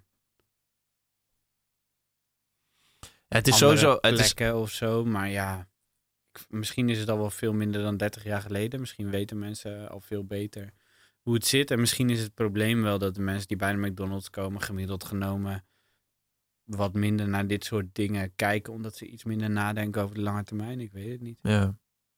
ja, ik denk sowieso dat wij met z'n tweeën niet in deze podcast de oplossing gaan vinden. En ik denk dat McDonald's daar inderdaad ehm, wel ook wel hard over nadenkt. Want ja, je hebt natuurlijk ook knetterveel afval bij een maaltijd. En dat doet McDonald's nu al wel in hun, in hun reclameuitingen en zo. Doen ze een beetje die parkeerplaatscultuur, toch? Ja. Dus dat je gewoon het opvreet op de parkeerplaats. Je hebt gewoon je, in de reclame zitten mensen op auto's. Zo van, dat is gewoon... Volgens mij hadden ze dat niet ooit bedacht dat het zo is. Maar ze hebben dat Niet gewoon omdat het ge- cool geëmbraced. Gewoon omdat jongeren... Ik zit op mijn Fiat Multipla, yo. Ja, Zo. ik ga gewoon... Ik neem het mee en ga het op de parkeerplaats opvreten. En dan staan daar knet veel prullenbakken. Maar ja, dan, Ja. Dan hebben ze dat gemaakt dat je het erin kan gooien. Wat wel goed werkte bij mij vroeger. En dan, dat is wel echt master. Vanuit de auto zo. ja, dat is lachen toch? Een blikvanger. Ja. Wie zou de geschikte dictator zijn, denk je, van Nederland? Ehm Sander Schimmelpenning. Ja? ja, denk ik wel. Ja, hè? Ik denk het ook wel eigenlijk. Die, is wel, die heeft niet een eh, politieke agenda en zit een beetje tussen rechts en links in. Hij begrijpt het allebei wel. Dat is een beetje tegen de, de kwalijke uitwassen of zo. Ja, ik vind hem dus verrassend redelijk altijd. Ik vind dat wel lekker om te lezen. Het is gewoon een, ja, het is gewoon een slimme dude. Ik weet niet, eh, wel een beetje geldingsdrang, maar dat is toch lekker, dat is prima. Ja. Waarom kan een Mark Rutte bijvoorbeeld niet zo zijn? Is dat omdat het een politicus is die je eindeloos wil schipperen tussen van alles en nog wat en stemmersbelangen? Ik denk gewoon dat Ted zou het wel met ons oneens zijn, want hij zegt dat Mark Rutte het gewoon heel goed heeft gedaan. ik denk wel dat Mark Rutte gewoon wel prima doet. Alleen, ja, het is gewoon een beetje een sukkel toch of zo. Ja. Het is toch geen... eh, ja, je gaat niet een video van Mark Rutte kijken of zo, waarin hij iets uitlegt. Nee, behalve als je echt wil haten. Hate watchen. Ja. En dan lekker twitteren. Ik haat die gast. Ja. Nee, eh, we- Maar interessant, ja, Sander Schimmelpenninck. Dat, is, dus dat, dat wordt onze dictator. of eh, we moeten ook nog een, eh, een vrouw kiezen. Ik weet niet, man. Caroline Tensen? Nee. Gezellig. Nee, ehm, Nadenken. Ja, die Marielle van Nieuwsuur vind ik dus wel heel... Zij is wel heel slim. oh, dat weet ik niet. Vergeet altijd haar achternaam. Ik vergeet altijd haar achternaam. Nee, ehm, we, moet, we moeten toch ook een vrouw kunnen verzinnen gewoon. Al dit hunkar. dat lijkt me echt leuk. Ja? Ja. Die zegt eh, sinds het jeugdjournaal in eh, 1992 eh, Verdwenen, verdwenen van mijn radar. Ja, ik, nou, ik kom er af en toe nog wat tegen. In, eh, in diversiteit en inclusiviteit en zo zit zij, eh, nee, ja, zit zij veel op het podium. We hebben toch weer een witte man gekozen, hè? Ja, Kut. eh, al dit hunkar. Nee, maar waarom? Eh, eh, waarom? eh, Nee, ik weet niet, ik vind haar, vind haar, vind haar energie gewoon goed. Denk Ja. dat ik ongeveer, dat is ongeveer wat ik erover zou kunnen zeggen. En ze heeft Klokhuis gepresenteerd, toch? Dan heb je veel algemene kennis. Dus, ik zit nu eventjes op haar eh, Wikipedia. Eh,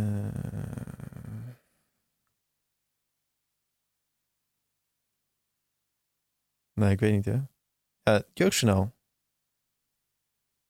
1994. Oh, dat is. Nou, oké. Wauw, heeft Marga van Praag ook het Jeugdjournaal gepresenteerd.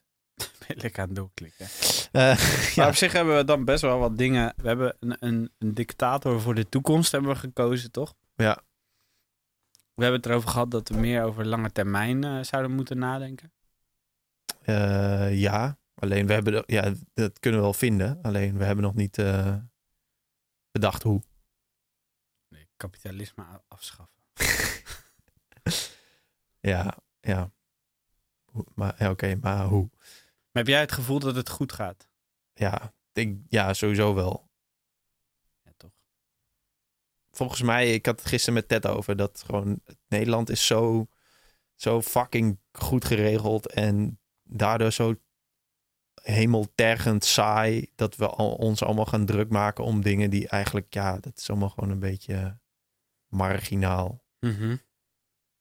En eh, ik weet niet waar ik het ooit heb opgepikt, maar de, stelling dat de, de lelijkheid of de, het kutte aan een plek is ook direct het mooie ervan. Ja. Volgens mij is het in Nederland gewoon heel erg geleveld, zeg maar. Het is niet echt heel veel heel mooi, waardoor het dus ook, ook niet heel veel heel lelijk is. Dus het is gewoon, Dus de is ook- spanning is een beetje weg, waardoor mensen gewoon, eh, ehm, gewoon dingen gaan, onzin gaan uitvergroten. En gaan mensen daar weer op reageren met dezelfde, dezelfde intensiteit. Doet Jan waardoor Roos weer alsof je in elkaar is geslagen. nou ja, bijvoorbeeld dat figuren als Jan Roos, dat, daar, dat het daar zo vaak over gaat. ja, Of Gia Ruan, dan hebben we, het, hebben we het er toch nog even over. Maar money mindset. De money mindset. God. Nee, nee, dat is het, dat is het toch wel.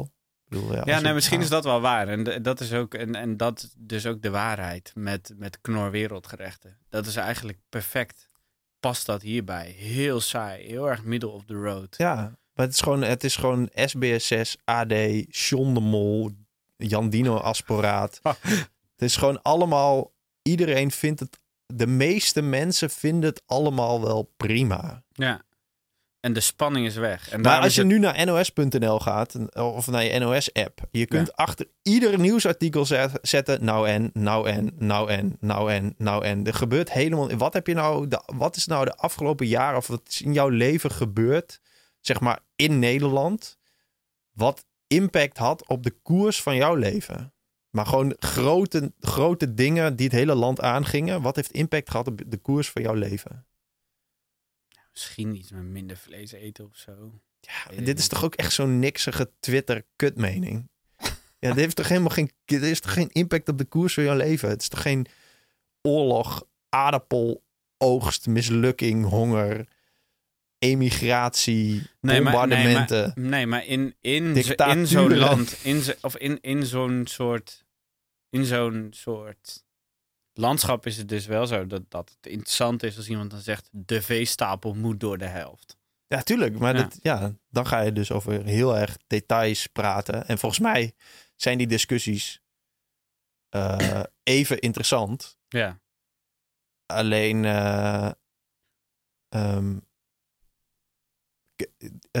ze- zijn ze nog steeds interessant om het over te hebben. Alleen kun je ze net zo goed weglaten. Volgens mij. het lost zichzelf wel op. Het gaat je niet echt aan. Nee. denk ik. Dus we- volgens mij zoeken we, een, zoeken we met z'n allen gewoon naar een soort van meaning, betekenis in allerlei gekke details. Ja. Terwijl dat. ehm, ja, ik weet, ik weet de oplossing er niet voor. Maar volgens mij zijn we dat met z'n allen aan het doen. Toch? Ja, dan kunnen we beter gaan iets doen. Frikandellen lokaal Nee, ja, wat ik dus, eh, en eh, ik ga nu niet zeggen van ik doe dit, dus de rest van de wereld moet dit ook doen. Maar ik eh, bijvoorbeeld de laatste tijd dat ik weer allemaal dingen aan het maken ben van alles. Bijvoorbeeld dit t-shirt dat ik nu aan heb. Nee, maar gewoon, ja, ik ben gewoon aan het produceren. En dan kom ik er opeens achter dat gewoon het maken van iets. En dan met in je eentje met, met, met iets fysieks aan het prutsen zijn. Dat maakt me wel blij en gelukkig. En Ja. dan, Maar ja, nee, ja, ik snap wel dat je zegt men, dat, dat niet iedereen moet dat doen. Dat snap ik wel dat je dat zegt.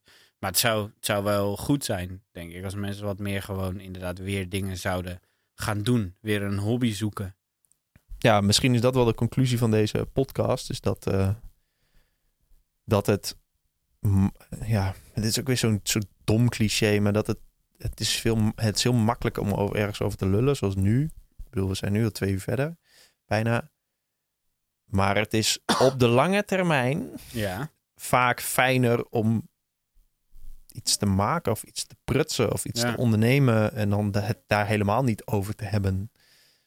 nee, en, het en ook niet te zien als oplossing misschien. Gewoon maar denken van nou, want jij zou ook gewoon kunnen zeggen, ja, ik heb dit shirt gemaakt, dit is de oplossing. Ik, ik heb het ideale shirt. Dat Ja. zou kut zijn. Terwijl als je het gewoon ziet als, ik heb iets leuks gedaan, prima. Ik, eh, ik ben blij met dit shirt. Ja, Ja. Dat is het ook, dan is dat is ook goed genoeg. Ik zal dan naar mijn website te kijken, naar de, eh, daar staat dan wat doe ik. En er staan allemaal projecten die ik heb gedaan. Dus weet ik veel, ik haat de Randstad Tour. eh, dat soort dingen. En als ik daarnaar kijk, dan word ik gewoon blij. Niet alles bestaat nog. Niet alles, eh, eh, was, is, niet alles is groot geworden. Maar ik heb het wel allemaal gedaan. En, en elke keer denk ik dan, oh ja, ja, dit heb ik ook gedaan. Oh ja, dat was lachen. Oh ja, Mhm. dat was echt kut. Ja. Maar dat is wel, het is wel wat, eh, eh, wat doen. En iets soort van tastbaars hebben waar je aan bij hebt gedragen. En als dat voor jou een shirt is, is dat ook heel mooi, toch? Of als jij morgen een, een, een uil gaat eh, figuur zagen, is het toch ook mooi? Dat zo, ja, ik wil dus heel graag van hout een wereldbol maken van, van, met een meter diameter. Maar ik heb laatst uitgerekend hoe zwaar dan het hout is is. heel, heel zwaar. joh. 490 kilo of zo. Sick. Niet 490, 500 kilo of Wat zo. voor, wat voor eh, ja, 491,7 kilo. Of zo. Maar ehm, hoe, wat wordt de diameter dan? Eh, een meter. Een meter. Ja, maar ik wil, ik wil een sick. houten bal maken en dan in elkaar lijmen of ma ja, prutsen. Ja. Die gewoon, als je gaat verhuizen, gewoon net door je deur gerold kan worden. Gewoon dat je het gewoon echt heel kut hebt om dat ding te verhuizen. Dat lijkt me mooi. En dat die gewoon, het is gewoon, maar hij ligt dan ook in je woonkamer. Je kunt hem ook ergens anders naartoe rollen. Ja. Want je hebt wel gewoon de, de werelddelen kloppen wel gewoon. Ja. Je hebt er ook niks aan. Je kunt er niks opzetten. Het ligt eigenlijk ook alleen maar in de weg. Ja. Maar is- ik wil heel graag dat maken. Omdat, ja, hoe... hoe- Het is waarin het doen manifest wordt. Het is gewoon eigenlijk een eh, soort van eh, liggende, rollende testimonial in je huis. Het, het, ja, een testimonial van... eh, waarschijnlijk duurt het knetterlang. Heb, je, je hebt er niks aan. Het is onhandig. Ehm, het kost geld. Het is zwaar. Het is niet te verhuizen zonder vrienden en kleden Kennissen. eronder en kennissen. Het is gewoon alles is een kut aan. Ja, en dat maakt het dan wel weer. Dat is wel leuk, toch? Dat maakt het dan wel weer leuk. Ja. Volgens mij is dat dus ook heel goed. Om, eh, daar, daar was ik pas ook met... ehm, ik ga één keer per... Dan ik ga één keer per, ehm, per twee weken of zo naar een, eh, ik grap even mijn portemonnee, Eén keer per twee weken of zo naar een, een, een filosoof. Dan gaan we het hebben over een vraag. Pas hadden we ook zo eentje, die ging hier ook een beetje over. Over dat doen. Want ik had het daar met mijn vriendin over. En die zei ook, ehm, het is zoiets als een McDonald's. Gewoon goed om te doen. Maakt eigenlijk niet zoveel uit of het nou echt de wereld verandert. Gewoon goed om te doen. En die vraag waar we mee bezig waren was ook, kan nut het doel zijn? Nou ja, mooi, En- eh, En eh, ja, lekker moeilijk, lekker hoog over. Maar, maar het is wel interessant als gewoon het doen draait om het doen. En niet om, dat wordt dan die wereldbol en die wereldbol gaat de wereld veranderen. Of ik maak dit shirt en dat shirt wordt een heel merk. Maar gewoon, ik doe het, want ik doe het. En, en een soort van, eh, dat is, mijn vriendin zei dat Camus zoiets heeft gezegd. Dus dat kan ik dan nu ook zeggen en dan heel slim lijken. Alsof ik de iets mythe, heb de gelezen mythe van. Sisyphus. De mythe van Sisyphus, ja precies. Sisyphus? Van een soort van het nut zit in het doen zelf. En de man die de steen de berg op rolde. En als Beetje, bij de, beetje de, zoals jij, maar dan met een steen bij in de plaats top van een houten wereldbol. En dat hij weer naar beneden rolde en dat hij weer naar boven. Ik snap nooit waarom dat een heel boek is geweest. Maar eh, omdat je het echt in een tweet kan uitleggen. Dat, denk verhaal. Ehm, ja, maar dat is, dat is dus ook precies met, met mijn eh, shirt. Eigenlijk had ik dat... eh, oh, we hebben nog zeven minuten. Zes. We, eigenlijk had ik dat natuurlijk ook weer niet moeten posten. Want als ik het post, gaan heel veel mensen reageren met... eh, wanneer wanneer kan ik er eentje van je kopen? En kun je er ook een van mij maken en zo. Terwijl ja, ik maak er natuurlijk zelf ook gewoon grappen over dat ik, dat ik een nieuwe drop heb binnenkort. En dan post ik weer een naaimachine. En dan eh, heb ik binnenkort weer een nieuwe collectie en weet ik veel wat. Maar ja, dat is allemaal met een knipoog, zeg maar. Ik ja, ik en ga heus wel- niet... om lekker je ego te voeden, toch? Dat is toch leuk? Ja, tuurlijk. Ja. Maar ik ga, ik ga heus niet een kledinglijn eh, maken. Ik had al wel bedacht dat ik het Dubué ga noemen en een Instagram ga maken. En dan alleen maar hele mooie artsy foto's van mezelf maken in mijn eigen kleding. Dat ik gewoon alleen één item voor mezelf alleen maar maak. En dan Ja. knetterveel foto's. En dan alsof ik Een een... soort van het meest gewilde kledingstuk. Ja, maar dat is dan ook wel weer een doel, zeg maar. Ja, het, is, het is meer een Ja, kunst, kunstproject, zeg Ja. maar. Gewoon echt gewoon... eh, een detail van wat alle kledingmerken doen, zeg maar, die, het, het showen, de, lookbook, maar meer als doel van een soort van koop, koop onze troep, maar dan Ja. min koop deze troep. Gewoon, ik heb alleen dat en dan kijken wat er gebeurt. Ja. Dat lijkt me Dat is wel interessant, hè? Kunst, kunst, kan, ja, kunst vind ik in die zin gewoon heel nuttig.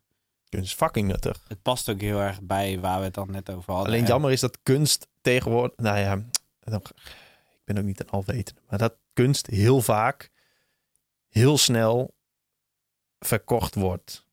Als, in, als iemand iets Ja. moois maakt, dan is er altijd wel weer iemand die daar heel veel geld voor wordt- gaat geven. En dan denkt die kunstenaar, oh ja, nice. Dan kan ik dit waarschijnlijk... Dus je moet oppassen dat het doen uiteindelijk niet leidt tot weer een doel. Daarom is het... Nee, ja, precies. Dus daarom is het jammer dat wij nu al hebben verteld dat wij eh, anoniem... Dat wij het zijn die anoniem eh, snackbarren met uien, uienboeren eh, gaan koppelen. Ja. Ah, ja, niemand luistert deze podcast, dus dan... Dit is het enige waarin we Ik het zal niet te veel delen. Niemand weet dat wij dit doen. Ja. Als je, als je het wel weet, stuur ons een mail. Want dan heb je dit gehoord. Ja. maar op zich is dat wel, ja, ja, ja, ik vind dat altijd wel interessant. Want ja, waarom zou het dan inderdaad weer niet over het effect of het doen of over de personen gaan? Nee, het kan wel. Alleen wordt het heel vaak... Het, dit, is, dit is nu gewoon een soort van cultuurindustrie waarin ehm, het heel vaak eh, geld oplevert. Ja. Als je het vertelt. En als je het niet vertelt, dan levert het in ieder geval geen geld op. Nou ja, goed. Eh, hebben we het de volgende keer wel weer over. Dat is goed. Ik, eh, Over het ego ook dan, die daar altijd weer bij komt kijken. Dat Ja, daar moet ik nog heel veel over lezen. Toevallig gaat er mijn laatste hoofdstuk, één na laatste hoofdstuk in Autonomie gaat over het ego. Ik vind dat een heel interessant onderwerp. Maar weet ik nog te weinig over. Ja, en dan kunnen we het ook, vanuit daar kunnen we het wel weer hebben over het ego van Sander Schimmelpenning. en of we hem dat, of, of, of, of het zo is dat hij daarmee de geschikte dictator is. Zullen we vragen of hij in de podcast komt om te praten om een, om een sollicitatiegesprek voor dictator van Nederland? Dat is goed. Dat lijkt me wel een goede, goede volgende podcast. Sander, als je luistert. eh, Mail nou, ons. Mail ons. Nee, mail ons. Nee, ja. Jij mailt niet meer toch? Ja, soms. Ja, ik mail wel. Mail ik ons, zeg, ik, zeg altijd, ik zeg altijd dat ik het niet doe en dat helpt heel goed. Oké, nou mensen bedankt voor het luisteren. Wilbert bedankt voor je komst. Eh, en tot de volgende keer. Doei.